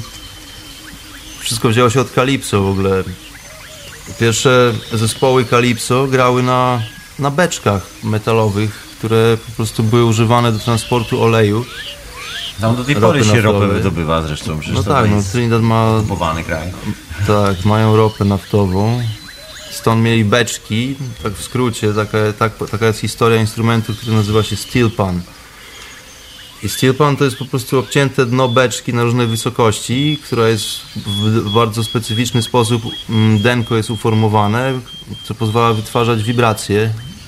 I sztuką jest nastrojenie takiego instrumentu. Są ludzie, którzy się zajmu- zajmują tym zawodowo. Dlatego, że spa- sprawa jest niebagatela, instrument musi stroić, dlatego, że mówimy o zespołach steel panowych, które, w których gra po 50, 60, czasami 80 osób jednocześnie na tych bębnach. Wow. Więc to musi stroić. Tak, dwie orkiestry filharmoniczne. Tak, to są potężne orkiestry. Takie, takie potężne, pełne orkiestry. To dużo, dużo tego. Słuchaj, dobra, skoro jesteśmy przy orkiestrach, no to nie może zabraknąć najważniejszego, no może nie najważniejszego, ale w sumie nadchodzi powoli. E, karnawał. Jest to część jakby kultury w ogóle. Jest to, jest to znamie, znamienna część kultury. Jeżeli, nie, jeżeli to nie jest właściwie cała kultura poniekąd, dookoła czego się to wszystko No kręci. to się trochę kręci wokół karnawału, dlatego że oni kochają karnawał, kochają swoją muzykę. Od tego zaczęliśmy Calypso, mm, bardzo, bardziej tradycyjne, troszeczkę wolniejszy beat. Z tego powstała muzyka soka. Calypso też ewoluowało na i wyruszyło w inne części świata i żeby było taka ciekawostka, muzyka reggae nie pochodzi e, z Jamajki właściwie, tylko tam została rozpropagowana. Muzyka reggae pochodzi z Trinidadu. To był taki znamienny muzyk, m- muzyka, e, Muzykant. muzyk, Muzykant. muzykant, znamienny taki znany na, na Trinidadzie muzyk Calypso, który zaczął grać Calypso inaczej niż wszyscy, dlatego że bardzo zwolnił tempo. On po prostu wyrzucił część aranżacji i, zaczął, i zwolnił kompletnie Calypso beat i wielu ludziom na Trinidadzie się to nie podobało, ale on miał przyjaciół na Jamajce, tam często bywał Eksportowa produkcja. i po prostu ekspo, eksportował produkt i na Jamajce reggae się przyjęło nieprawdopodobnie. Właśnie ten, ten zwolnione Calypso, od tego to się wszystko zaczęło. Do tego doszły nurty jakichś tam folkowych, takich, e, takich wpływów afrykańskich, troszeczkę rytm and bluesa do tego, no i tak powstało reggae właściwie, ale ono, ono się wywodzi z Trinidadu. Na Trinidadzie reggae też jest popularny, aczkolwiek to nie jest najbardziej popularny gatunek, bo jest nim muzyka soka. No i to jest już zupełnie inna historia, bo muzyka soka to jest po prostu energia, którą ch- chyba tylko można zrozumieć, jak się tam jest, jak się jest w tym słońcu, jak się widzi po prostu te tysiące ludzi na karnawale skaczących do, do tego rytmu. No bo jest to, jest, to elektroni, jest to elektroniczny właściwie gatunek muzyki, jeżeli się na to popatrzy. On jest grany na żywo przez wiele zespołów. Tempo jest zabójcze. Na brzmienia są bardzo często mm, zapożyczone z różnych gatunków typu house, Rozumiem, wejdzie, tak. techno. Po prostu tak, no, no robi się to na tym samym software'ze, więc to brzmi często podobnie, no i taka, taki karnawał się odbywa w takich rytmach właśnie, które po prostu nigdy się, no są niekończące. Wiesz, słuchaj, e, bo tak zanim na chwilę odbiegnę od karnawału, bo chciałem, żebyście nie zapomnieli, nie zgubili nigdzie historii o grzybach właśnie, bo chciałem się zapytać właśnie o tą roślinę jeszcze na wyspach, bo to jest coś, co mnie intryguje. Zawsze to, e, no to normalne. No więc grzyby są w postaci takiej naturalnej, po prostu rosną w paru miejscach, trzeba głównie... Ktoś, słuchaj, czy są, czy są znane, takie pytanie, czy są znane, bo w wielu miejscach y, grzyby są- nie są znane. Wiesz, Są co chodzi? znane i rozpoznawane przez tych, którzy, Okej, którzy mają o nich wiedzieć i rozpoznawać je. Okej, czyli są lokalni szamani, słyszałeś o tym, żeby używali, czy... Są, no jest, jest wspólnota, tak to nazwijmy. Jest wspólnota. Po prostu ci ludzie, którzy szukają takich doznań, którzy szukają takich roślin, znajdą je. Jest to... No po prostu to, no, no, to, to, jest, to, to nie jest roślina, no mówimy o grzybach, jeżeli, ale czy grzyby, czy rośliny, jeżeli ktoś szuka takich rzeczy, to na pewno je znajdzie, albo one znajdą jego. Lub ją. Więc e, po grzyby na Trinidadzie Tobago trzeba jechać troszeczkę wyżej w góry. Tam jest dosyć gorąco w ciągu dnia i, i to nie są góry takie w naszym rozumieniu wysokich gór, tylko to są po prostu wzgórza. Tak na, na wysokości, do To jest, wysokości. y, była wulkaniczna wyspa, zdaje się. Czyli to są takie wulka, Eee. postwulkaniczne... Chyba nie. Jak to dokładnie, no to jest, znaczy to jest na pewno w długiej mierze postwulkaniczne w jakiś sposób, ale to nie jest jakaś tam aktywna wyspa, jeżeli to granie jest, jest po prostu wysoki, są w miarę wysokie górki. Są góry, tak. No cała, cała nazwa w ogóle w kraju pochodzi od słowa Trinity, czyli od trójcy, dlatego że zbliżając się do wyspy, mm, niejaki Krzysztof Kolumb, po prostu z daleka było widać trzy szczyty, które się wznoszą na horyzoncie, no i, i ta wyspa została nazwana właśnie tą trójcą Trinity, czyli Trinidad. Mm, Okej, granie jest to po prostu taki tropikalny las, który jest bardzo wysoko w górach. No i tam są owe grzyby. To jest las, ale trzeba znaleźć polanę. właściwie, No właściwie, właściwie te grzyby rosną głównie tam, gdzie się wypasają krowy. Tak samo jak, tak samo jak wszędzie indziej, w każdych innych warunkach, po prostu tam, gdzie są krowy, tam się pojawią takie grzybki. I no trzeba trochę, zwykle trzeba trochę pochodzić, bo, bo nie ma dużych skupisk. Tam jest taki gatunek, który się nazywa Purple Skids. To nazwa pochodzi od tego, że, że te blaszki na spodzie grzyba są po prostu fioletowe. Szczególnie jak je, po, po zgnieceniu, jak się zgniecie między palcami, to, to tak samo blaszki jak łodyga powinny przybrać kolor, kolor fioletowy. To jest taka metoda, żeby sprawdzić, że to są te właściwe właśnie grzybki. Mm.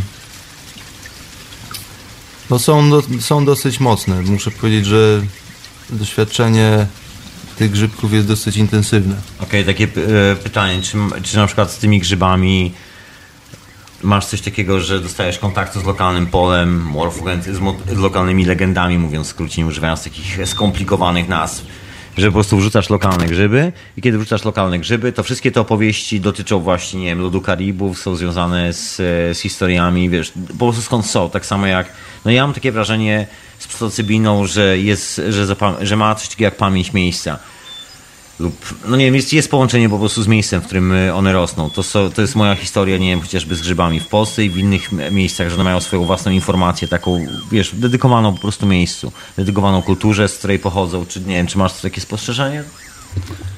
No miałem taką, miałem taki epizod e, na, na takiej dzikiej plaży, znaczy dzikiej plaży, no większość plaż jest dzika, czyli nie ma na nich ludzi, nie ma na plażach ludzi. ale w przepięknych okolicznościach w takiej zatoce właśnie odbyliśmy sesję, która okazała się być bardzo intensywną i mm, wydawało mi się, że znajduje się w tym miejscu, w tym samym miejscu, ale jak gdyby parę tysięcy lat wcześniej i ułożenie terenu się po prostu zaczęło troszeczkę inaczej klarować w moich oczach. Bo to, co wydawało mi się do tej pory skałkami wystającymi gdzieś tam z, w tej zatoczce z wody, to po prostu nagle się zaczęło układać w zupełnie inne ukształtowanie terenu i, i jak gdyby, no, no właśnie poczułem taką więź w ten sposób, że, że po prostu popatrzyłem na, na, na, to, na to całe, na tą, na tą plażę w zupełnie innym świetle. Tak jakbym był, odbył po- podróż w czasie, po prostu geologiczny, jakieś geologiczne eksper, ekspertyzy do, do, do, dokonał. Tysiąc lat czasie. sekundy poprzez takie z... przycięcie. Stanowiska archeologiczne. Warstwy czasu. To co, to jakaś przerwa na muzyczkę, proszę Państwa, a my wrócimy i troszkę o karnawał się popytam, no to jest taka intrygująca. To jest właściwie życie takie społeczne troszeczkę na... Tak, to na pewno to My się jest... nie bawimy w Europie, wiesz co chodzi, my, tu jest taka kultura, tu gdzie teraz jesteśmy protestancka, czyli musimy wstać i popracować. To jest jakby... No tam ludzie też pracują, ale troszeczkę inaczej. No Właśnie chciałem, żebyś troszeczkę właśnie o tym powiedział. To co, na razie muzyczka, relaksik, tym razem jakiś dabik, powolny. A my wracamy oczywiście, a wysłuchacie hiperprzestrzeni i opowieści o Wyspach Karaibskich. Jeżeli macie jakiekolwiek pytanie, słuchajcie, to po muzyczce proszę śmiało dzwonić, radionafali.com. Oczywiście audycja jest retransmitowana w Radiu Paranormalium. Pozdrawiam wszystkich słuchaczy z Radia Paranormalium, wszystkich słuchaczy z Matczynego Radia na Fali, radionafali.com. No i oczywiście wszystkich, którzy siedzą na czacie Radio na Fali. To proszę sobie wejść, radionafali.com, zakładka czat, zalogować się i jesteście na czacie. Dzisiaj nie ma za bardzo linków, bo ja właściwie ja się pytam Cię, Bartek, jak po prostu jest? Jak jest, jak jest na Karaibach? Szyku? Powiedz mi, jak jest? Jest świetnie. Świetnie, no właśnie. A wy słuchacie małego kameralnego radia na fali. W audycji Hiperprzestrzeń. Ja mam na imię Tomek, ze mną jest mój gość Bartek. Witam, Wszys- witam. Wszystko jest retransmitowane też w Radiu Paranormalium.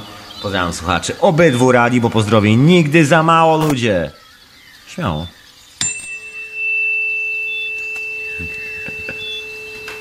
Taki przerywnik dżingiel.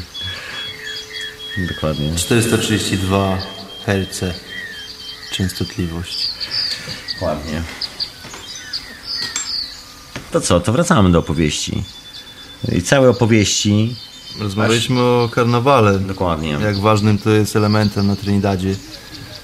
No jest to po prostu czysta radość popatrzeć na tych ludzi, którzy przygotowują się do, do obchodów tego karnawału na długo, długo przed datą, która jest określana co roku na troszeczkę inną datę. Jest to też zależne od tego, mm, znaczy jest, jest mowa o tym, że to jest zależne od świąt e, wielkanocnych, tylko pomija się fakt, że święta wielkanocne też mają różną datę, która jest zależna od fazy księżyca.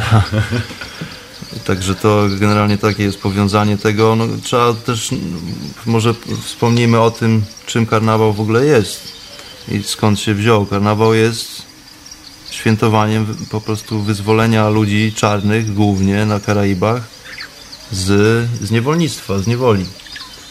Po prostu to jest świętowanie niezależności rasowej.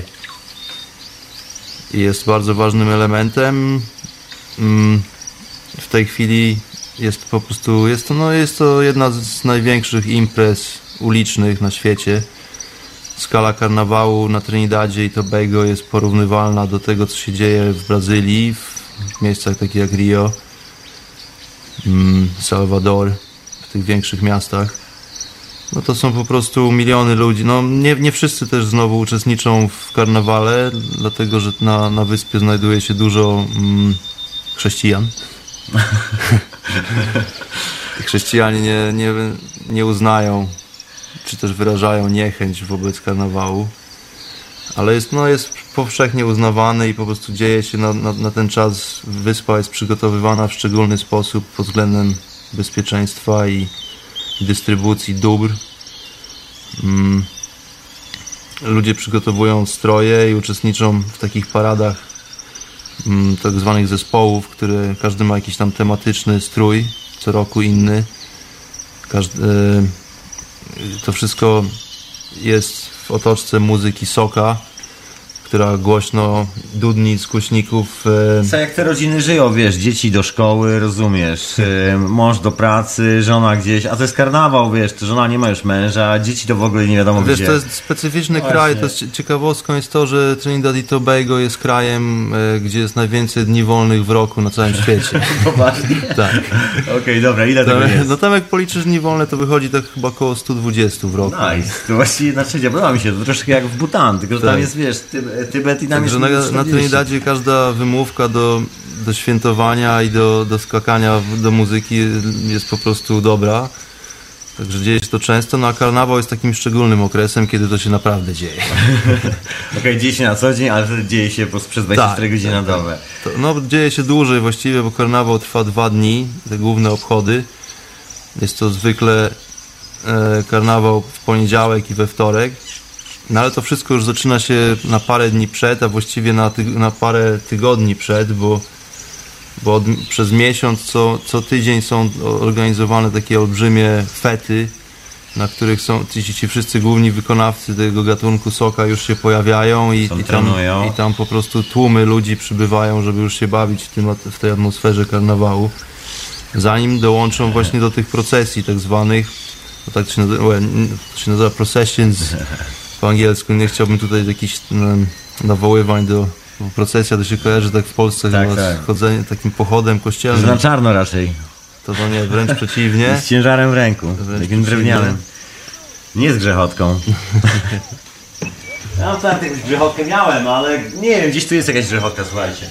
Ale nie, no nie wiem. Także muzyka soka jest bardzo specyficzna, jak, jak wspomniałem wcześniej, pochodzi od gatunku zwanego calypso, mm, który był głównie muzyką graną na żywo przez, przez zespoły. Soka jest takim jeszcze szybszym właściwie podziałem rytmicznym i, i wiąże się to właśnie w tej chwili z takimi transowymi liniami basowymi i, i takim rytmem, który jest używany często w, po prostu w techno i w, w różnych gatunkach house'u, dlatego to się świetnie miksuje w ogóle, tam lokalni DJ to miksują z różnymi hitami, to po prostu wchodzi idealnie.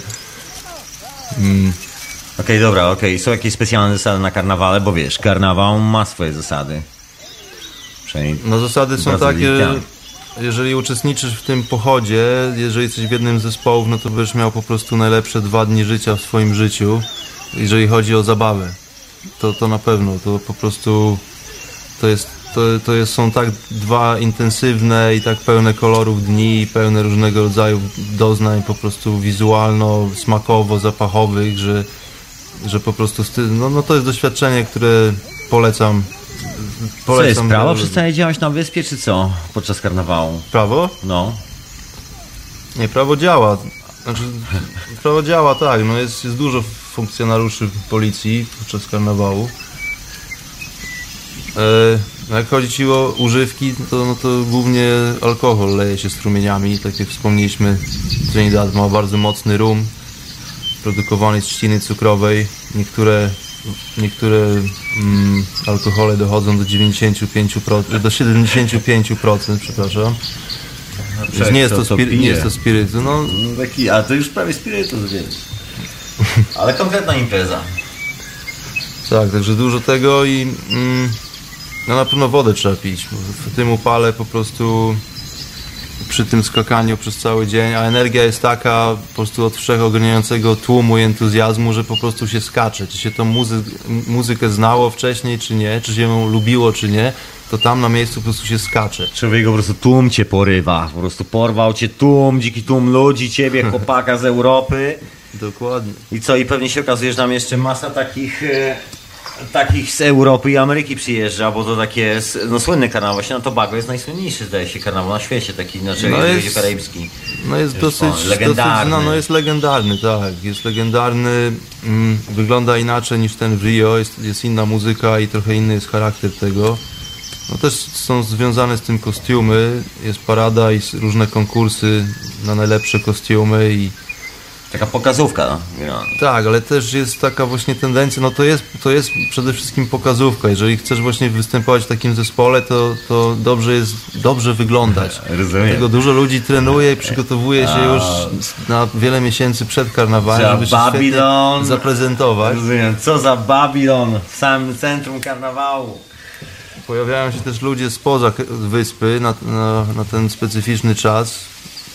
No widać też dużo Amerykanów, Amerykanek pojawiających się w tych zespołach właśnie, a, a tak na co dzień mm, no, tam są ludzie, też warto wspomnieć, tam na, na Trinidadzie są ludzie z całego świata.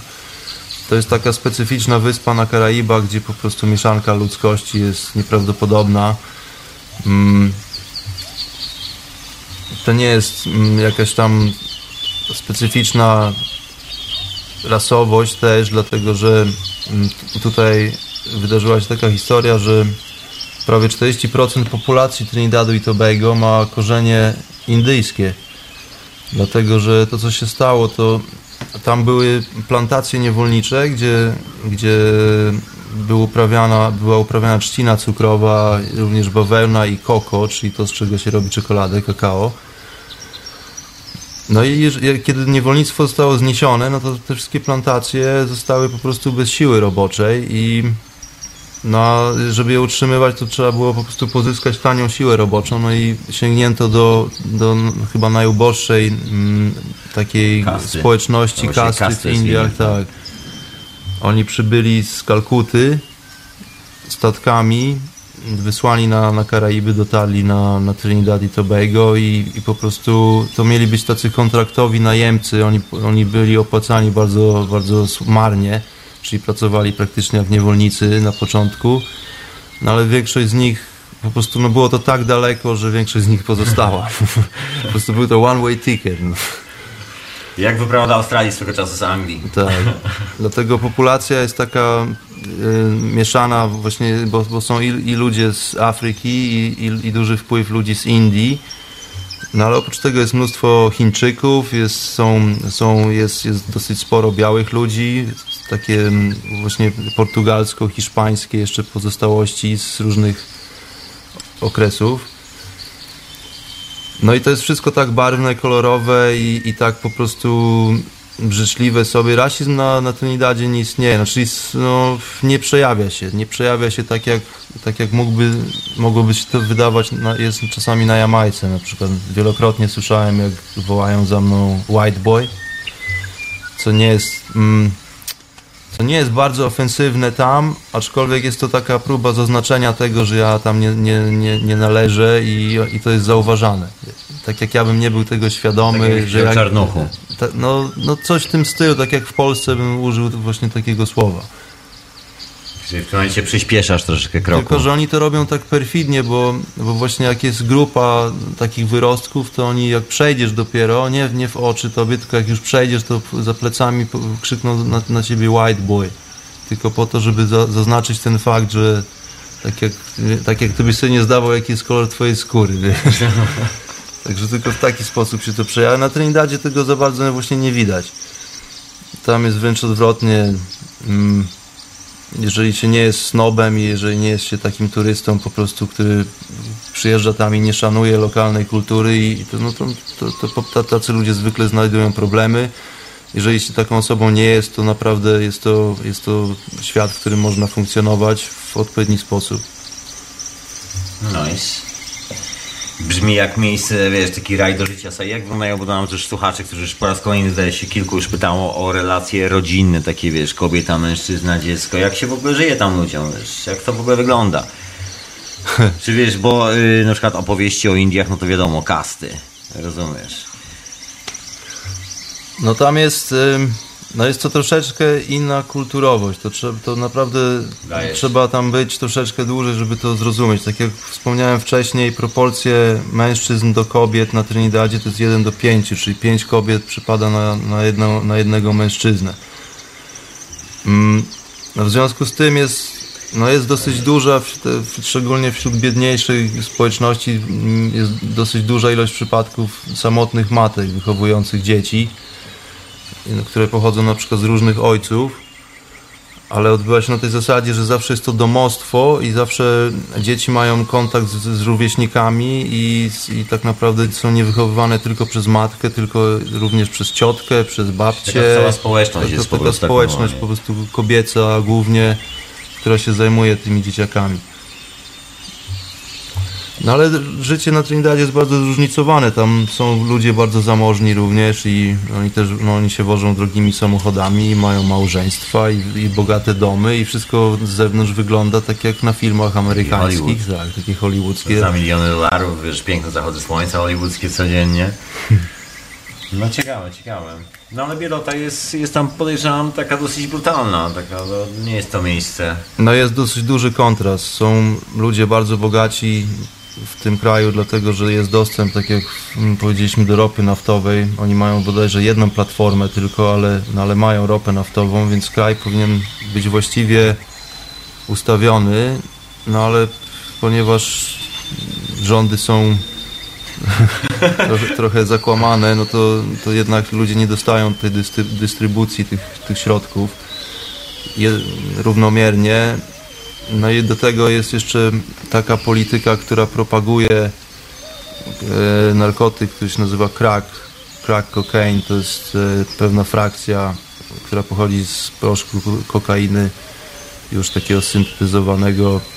Mm, Jest to bardzo tanie, dostępne ogólnie i bardzo uz- uzależniające i wysyłające ludzi na ulicę po prostu. Jest, jest duża ilość ludzi, którzy mieszkają w samych gaciach na ulicy, na kartonach. Podczas gdy polityka wobec marihuany jest bardzo restrykcyjna i ludzie mają potężne problemy za, za to, za posiadanie małych ilości marihuany na, na Trinidadzie. Można popaść w tarapaty, będąc w konflikcie z policją. No właśnie miałeś tam takie spotkanie z policją, opowiadałeś mi o nim. Miałem właśnie- tak, miałem właśnie miałem parę takich spotkań. Mm, Raz to się odbyło dosyć późno w nocy, no, około godziny 11 z paroma znajomymi wracaliśmy samochodem z takiej wyprawy surfingowej, byliśmy na, na surfingach. Tylko było to na takiej plaży, która była na takim odludziu, że musieliśmy przejechać mm, dobre 45 minut przez taką dżunglę właściwie. No i jadąc przez tą dżunglę właśnie gdzie było kompletnie ciemno i żadnych świateł nie było widać, z naprzeciwka nagle z krzaków wyjechał samochód, który zaczął podążać w naszą stronę z, ze światłami odpalonymi.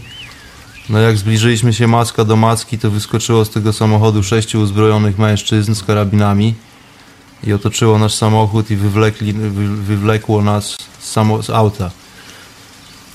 No i dopiero po jakiejś chwili okazało się, że to są policjanci. Ale nie powiedzieli, wiesz, nic No, takiego nie- ani... no, byli, no mieli mundury, no po, po chwili okazało się, że rzeczywiście mieli mundury, no ale mierzyli do, do mnie z karabinów maszynowych, co jest naprawdę szokującym doświadczeniem. To pierwszy raz mi się wtedy zdarzyło i no nie polecam takich sytuacji. W tam, e, oni, oni szukali dużego, prze, dużego przewozu, dlatego że okazało się, że tam gdzieś w, tym, w, tej, w tej dżungli, przez którą jechaliśmy, w, w tym lesie, gdzieś tam były po prostu uprawy. I o tej godzinie, o tej porze zwykle ludzie próbują to po prostu transportować w głąb Aha. kraju. Myśleli, że jesteście jednym z takich transportów. Nie, my byliśmy po prostu surferami, którzy pojechali na, na, na sobie na dzienną wyprawę na, na plażę i po prostu nocą wracaliśmy z powrotem. No stres był nieprzeciętny, nic, nic przy sobie nie mieliśmy, e, tam jakaś taka cząstka, cząstka została wcześniej wyrzucona. I, no ale stres był tak potężny, że jeden z, jeden z ludzi, którzy byli w samochodzie, jeden z moich, jeden z moich znajomych po prostu mm, zaczął wymiotować bardzo konwulsyjnie, bo no, ze stresu po prostu, nie? No ciśnienie jest potężne. Jeszcze miałeś taką przygodę, że cię przeszuka... przeszukali w dżungli. Mm. Opowiadałeś. To mnie przeszukali, zostałem przeszukany na ulicy w, mm, w mieście. Podobna historia, tylko że samochód policyjny po prostu zwróciliśmy uwagę, dlatego że z trzech nas jechało z, dreadlo, z dreadlockami, dwóch lokalnych chłopaków i ja i policja nas po prostu zatrzymała jadąc, jadąc obok. Zostaliśmy zaprowadzeni na parking taki samochodowy. No i było to dosyć nieprzyjemne, dlatego że miałem, byłem poproszony o ściągnięcie ubrań na ulicy. w celu przeszukania. Tak po prostu na ulicy. Tak. Aha. No i to są takie sytuacje, tam można powiedzieć, że się jest z Polski, że się nie wiedziało, ale to jest jak gdyby sprawa drugorzędna. Takie rzeczy można mówić na posterunku policji, ale nikt nie chce być zabrany na posterunek policji. I to jest właśnie, to jest, to jest ta różnica. Czasami niestety trzeba zagryźć zęby i, i ściągnąć gacie. No. No jest to kompromitująca sprawa po prostu i uwłaczająca istocie Jest, ludzkiej, jest.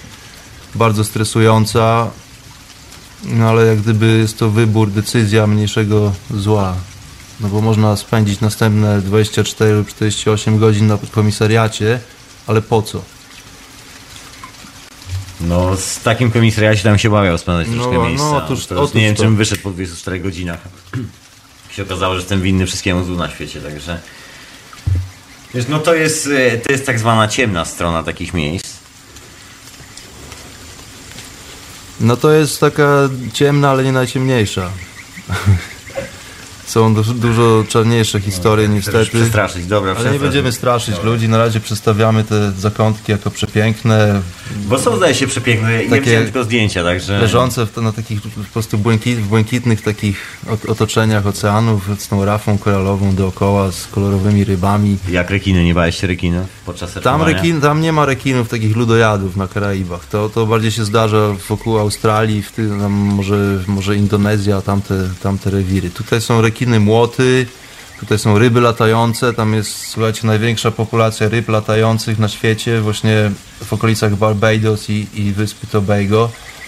Te ryby naprawdę, naprawdę latają. To jest, to jest fenomen. To, to są całe ławice, które wyskakują z wody, mają rozpiętość skrzydeł taką, powiedziałbym śmiało, 50-60 centymetrów i no i są w stanie przelecieć do, tak, do, do 20 metrów ponad powierzchnią wody. Wow. Po prostu machając tymi skrzydełkami, odbijając się ogonem od, od, od, glazu, od, od glazury, od, od, od, od wody. Bardzo smaczne ryby też. Muszę, tak, to jedna z moich ulubionych ryb tam na, na Trinidadzie. Jesteś miłośnikiem lokalnej kuchni. O, lokalna kuchnia jest wspaniała. Ja ci mam telefon, już odbieram. Halo, halo? No halo, halo, bo to ja tak sobie siedzę i, i sobie zobrazowałem sytuację taką, nie, jak Bartek przyjeżdża do tej wioski, do tych gości, oni tam siedzą, Mhm. oni tam zapewne są troszkę wyluzowani już i oni nie wiedzą, czy ty przyjeżdżasz jako agent, czy y, jakiś tam, czy, czy po prostu jako normalny człowiek, tak? No to jest właśnie to, o, to jest E, Więc to. Trzeba, oni muszą jakoś to z... wychwycić. No i myślę, że zadają jakieś pytania takie. to, no, to jest, wiem o czym mówisz, to mm, No, trzeba sobie zjednać No. ludzi, którzy tam mieszkają. No, moim zdaniem cała, cały sukces polega na tym, żeby po prostu zrozumieć to, że, że ich kultura jest inna, niekoniecznie gorsza i po prostu to my przyjezdni musimy zrozumieć kulturę ludzi, którzy mieszkają na danym terenie. I oni są podejrzliwi i to dużo bardziej podejrzliwi niż, no, niż, no tak, ale jak, niż w Europie, ale to jest kwestia wibracji, wiesz, to, to zależy o czym mówisz z tymi ludźmi, jak, jak się obnosisz po prostu, jak No. się zachowujesz. Właśnie. No I- bo oni siedzą wyluzowani i oni widzą po prostu więcej trochę rzeczy. Jak wpada taki agent, on wpada i mówi, ej chłopaki, o fajnie tu jesteście, macie jakieś zioło? A oni tak patrzą na niego, patrzą tak na niego i mówią, tak się rozglądają po sobie, ty No o czym on no mówi? właśnie Jakie wiesz, zioło? no Chłopie, tak się- ty skąd ty jesteś w ogóle? No o co ci jeżeli, chodzi? jeżeli tak byś się spytał, to, no to właśnie taki był, pra, by, był prawdopodobnie skutek. No, w ten sposób się nie można zachowywać tam. Po Więc prostu... jak myślę, że jak jedziesz, tak popatrzysz, mówię, o, widzę, chłopaki tu sobie siedzicie, no i co tam u was słychać? No, jak tam, to jest właśnie jak, na jak tam na, leci w to jest ogóle? bardziej na zasadzie rozmowy, wiesz, jak masz czas, to po prostu No. zbliżysz się do tych ludzi i oni ci sami to zaproponują. Jak No, masz no. czas, to jest dobre, bo jest No inna tak. koncepcja czasu, troszeczkę wolniej się tam żyje niż... Muszą tutaj. zobaczyć w tobie, że no mówię, no chłopie, no dobra, to jak chcesz, to siadaj tu z nami, będziesz patrzył na to wszystko. Niech się dzieje. No dokładnie, no tak, tak to wygląda, no wiesz, po prostu no, nie, no staraj się, starasz się nie zachowywać jak agent po prostu, który To znaczy, przed urządzeniem nagrywającym, wiesz, z mikrofonem przyklejonym pod koszulą Kiedy bo jesteś normalnym człowiekiem, przycho, przyje, wiesz, przychodzisz, to słychać po akcencie, wiesz, mówisz, że, Tych- mówisz, że ja jesteś ci z muszę Polski. powiedzieć, że tych agentów tutaj jest dużo i Mhm. nawet w tym naszym świecie, gdzie nam się wydawa, wydaje, że e, spotykamy się z normalnymi ludźmi, ty patrzysz, mówisz, no ja pierdzielę, znowu agent, no znowu agent. Kurde. Donosiciel, E, donosiciel. Weź tu, bądź człowieku na ludzie z tymi wszystkimi ludźmi, no. Tam No, chyba- tam jest to trochę No jest to, jest to umiejętność zjednywania sobie ludzi po prostu chyba, bo no tylko na to trzeba mieć Nie, w czas. Polsce, w Polsce też tak, tacy zostali, powiem ci, i, i tu właśnie, no, też trzeba się pilnować bardzo. No dokładnie, ale na szczęście tacy ludzie się komunikują między innymi po, za pośrednictwem radia takiego jak Radio na Fali. Po prostu buduje się jakaś społeczność i na tym to polega, żeby po prostu rozmawiać i wymieniać informacje i żeby się nawzajem uczyć, bo to, bo, to, bo to jest naszym celem, żeby się uczyć i poznawać po prostu coraz więcej. Żeby przestać się bać czegokolwiek przede wszystkim. Ja Między myślę, bo- innymi, żeby przestać się bać, tak. Bo, bo jak przeskoczysz jakiś tam jeden lęk, drugi lęk, trzeci, to mówisz, ty, ile ja mam jeszcze tych lęków do przeskoczenia, nie? Jak długo to zajmie? No właśnie. A jak tak przeskoczysz wszystkie, to, to wtedy tylko siedzisz i patrzysz, mówisz, no ale czego tu się w ogóle bać? No dokładnie, no, no czego tu się bać? Słuchajcie, mamy tu, mamy tu drugi telefon, dołączyłem do grupy. Witam Panie Kamilu, witam pewnie Lidię, Witajcie, która tam witajcie jest. kochani. Witam Lidia. Dobry wieczór, dzień dobry. W zależności od tego, gdzie jesteśmy na świecie. Floryda, oni tam mają jeszcze Cześć, słońce. cześć. Słuchajcie, no dzwonimy. Dzwonimy z kilkoma pytaniami. Mm, No chciałam się zapytać, czyli teraz ominęłam pewnie trochę, nie wiem, czy już y, gość odpowiedział na takie pytania, czy nie, No ale kąpałam się. właśnie dzieci i, i, no, i no, ominęło mnie kawałek audycji. Także chciałam się po prostu zapytać, e, ogólnie teraz słyszałam, kawałek było o takim zrozumieniu i porozumieniu, czyli to wygląda tak jak braterstwo, tak?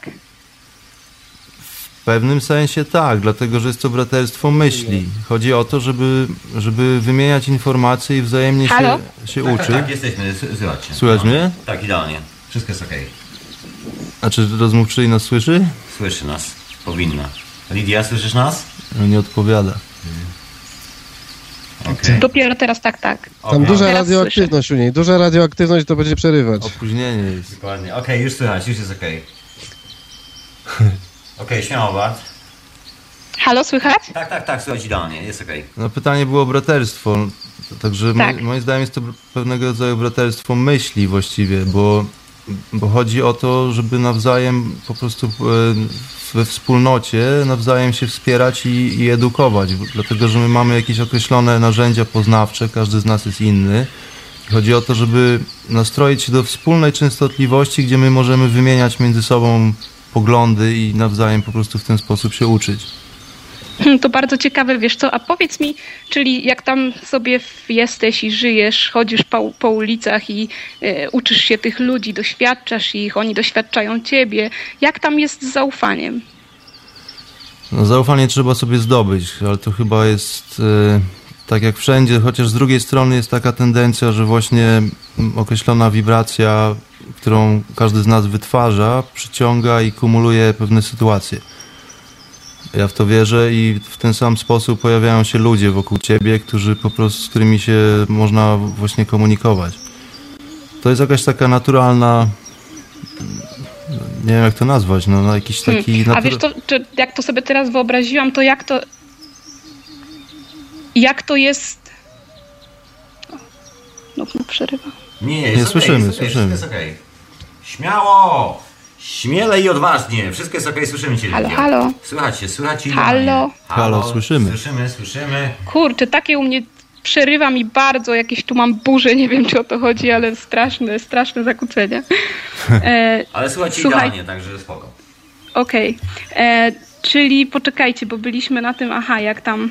Czyli z, na, na to pytanie dzięki odpowiedziałeś mi fajnie o zaufaniu, czyli tak sobie to wyobrażam. Czy ludzie są waleczni, czy oni są pokorni, czy, czy ta współpraca i to wspomaganie siebie nawzajem? Opowiedz trochę o tym, jak, jak to odczuwasz. Nie wiem, jak tam masz sąsiada, słuchaj, jak idziesz sobie do sklepu, e, jakich ty ludzi spotykasz? No właśnie jest tak, że mm, z każdym się właściwie rozmawia i każda okazja jest dobra do rozmowy, pomimo tego, że człowieka się nie widziało nigdy, a czasami się ich spotyka ponownie, po prostu chodząc ulicami. No to, to, są, to są małe te wyspy tak naprawdę, dlatego jeżeli tam mm, jesteś przez, przez dłuższy czas, to po prostu prędzej czy później zaczynasz spotykać tych samych ludzi, a, oprócz, a, a w międzyczasie budujesz sobie swoje środowisko, czyli swoje otoczenie po prostu ludzi, którzy mm, no, poruszają się podobnie. Co chodzi o, o tą pokorę. Hmm. Okej, no to, wiesz co, czyli jak... ja- ja- Mhm. Słychać idealnie. Halo, halo? Idealnie cię słychać idzie, także wszystko jest okej.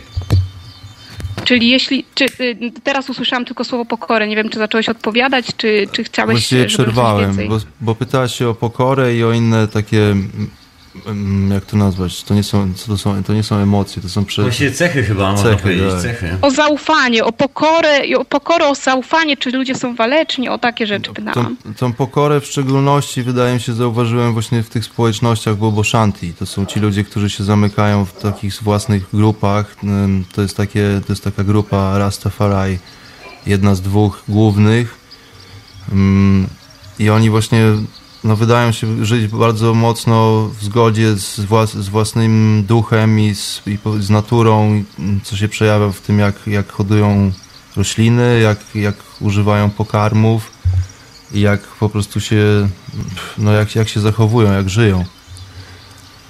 A, ale no oprócz tego są wszelkiego rodzaju historie. Są ludzie, no, są ludzie po prostu z każdej materii właściwie na tej wyspie. No to jest to, jest to mieszanka wybuchowa. No, tam jest naprawdę, tam są ludzie z całego świata i tam każdy może znaleźć coś dla siebie.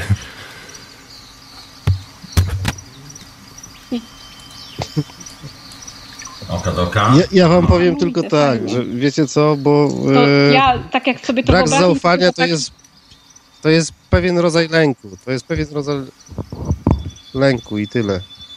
No to I, jest i prawda. to w nas zostało wzroz... gdzieś tam wrzucone i, i my Prawda. żyjemy z tym poczuciem lęku w zaufanie do drugiego człowieka i dopie... do, dopóki tego nie przeskoczysz, to, Słuchajcie, no, to, to, to nie ma tego. ja muszę Dobra, przepraszam, więcej strasznie, Słowo, ja muszę to, przerwać, to, to, bo to ja sobie mm, spadam. nic nie słyszę. Za chwilę połączę się jeszcze raz, papa. oka. Dobra, pozdrowionka. Pozdrawiamy. Słuchajcie, coś się... Okej, to ja się rozłączam. Już jesteśmy z powrotem. Jakieś jak zwykle zawirowania. Ja myślę, że nas po- podsłuchują wszędzie, gdzie się da na świecie. Dokładnie. Stąd się biorą jakieś takie dziwne historie. Dokładnie. A wysłuchajcie oczywiście Radio na Fali. To co, kończymy hiperprzestrzeń po opowieściach. Słuchaj no jakieś ostatnie refleksje, takie wiesz... Klamrę na spięcie? na rozluźnienie bym powiedział. Rozluźniająca klamerka. No moglibyśmy jeszcze tak opowiadać długo. No możemy, długo. możemy, słuchaj, myślę, że możemy. Ale możemy też, no nie wiem, no jak tam... Jeszcze nam się nie śpieszy, także mamy czas, także spokojnie możemy. Słuchaj, to śmiało, to powiedz może troszeczkę o, tych, o relacjach z ludźmi tam na miejscu, o jakichś historiach z ludźmi, bo to jest zawsze ciekawe, wiesz, jakby ludzkie charaktery i, wiesz, bo one tak naprawdę robią miejsce, każde miejsce jest robione przez ludzi. Od tego się nigdy nie ucieknie. To radio też.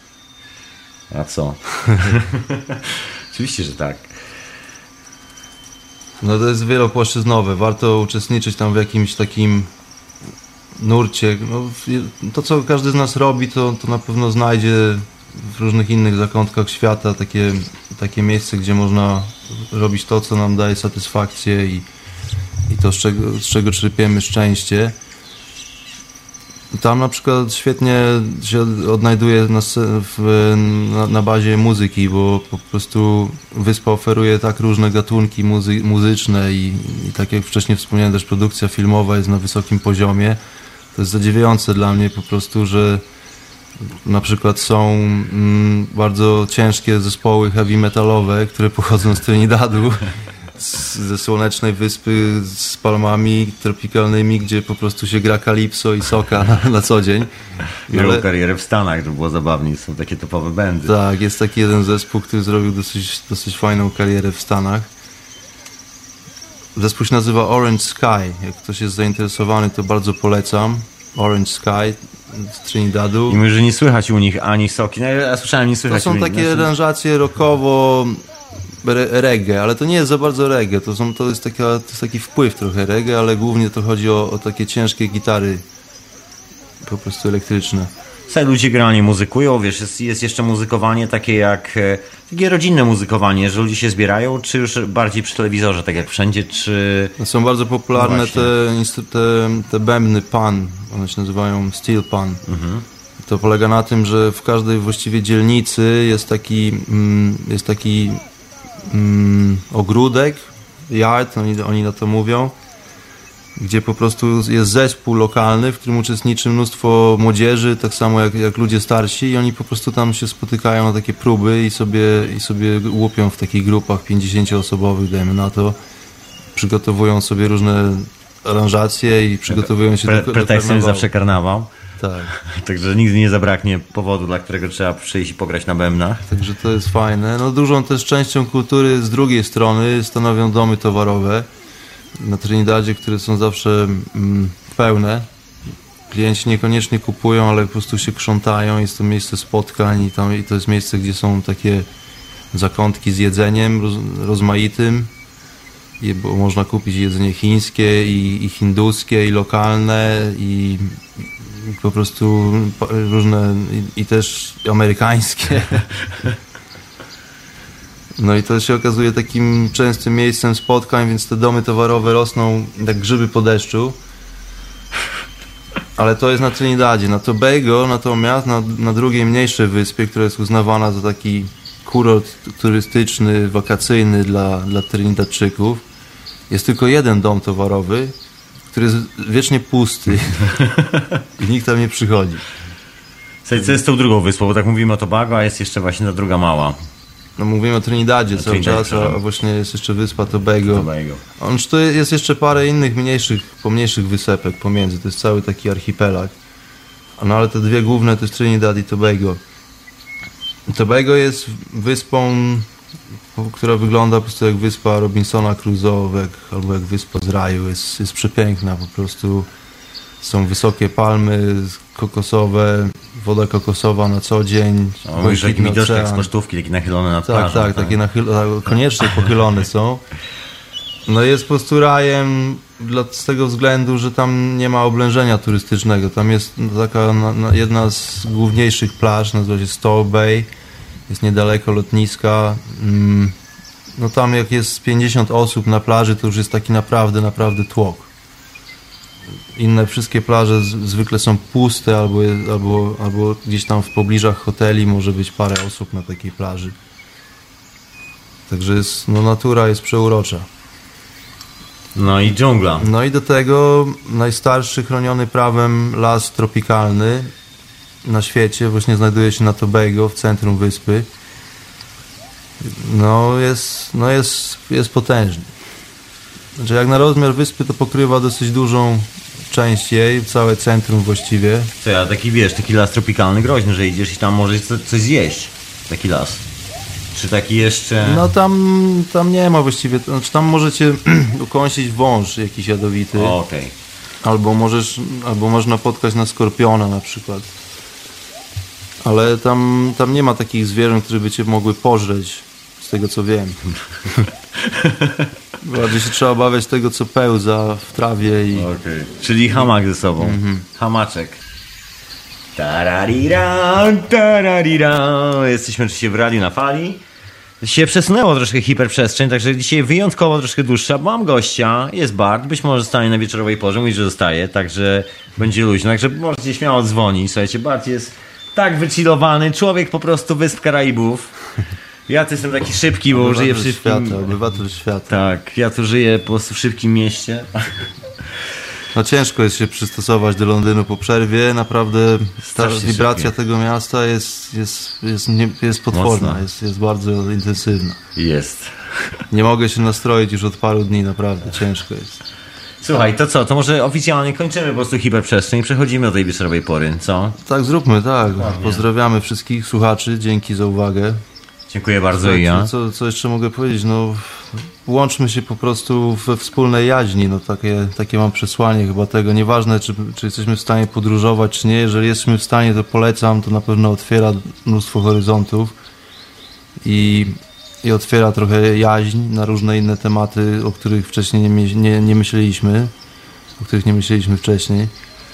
No ale to jak gdyby miejsce nie gra roli. No, po prostu starajmy się łączyć razem i, i rzeczmy miłość.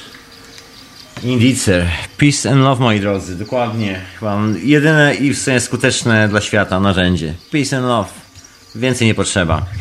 I tym oto radosnym hasłem kończymy dzisiejszą hiperprzestrzeń. Także czujcie się pozdrowieni. Też się czuję tutaj pozdrowieni. Peace and love, moi drodzy. Peace and love. Dziękuję za słuchanie. Pozdrawiam wszystkich, e, którzy wspierają radio, e, sponsorują. Zapraszam wszystkich do wspierania, zapraszam wszystkich do ściągania, do słuchania radionafali.com. Zapraszam też do odwiedzania Radia Paranormalium, które retransmituje hiperprzestrzeń. A wszystkich tych, którzy zostali, zapraszam na wieczorową porę. I to było tyle z hiperprzestrzeni.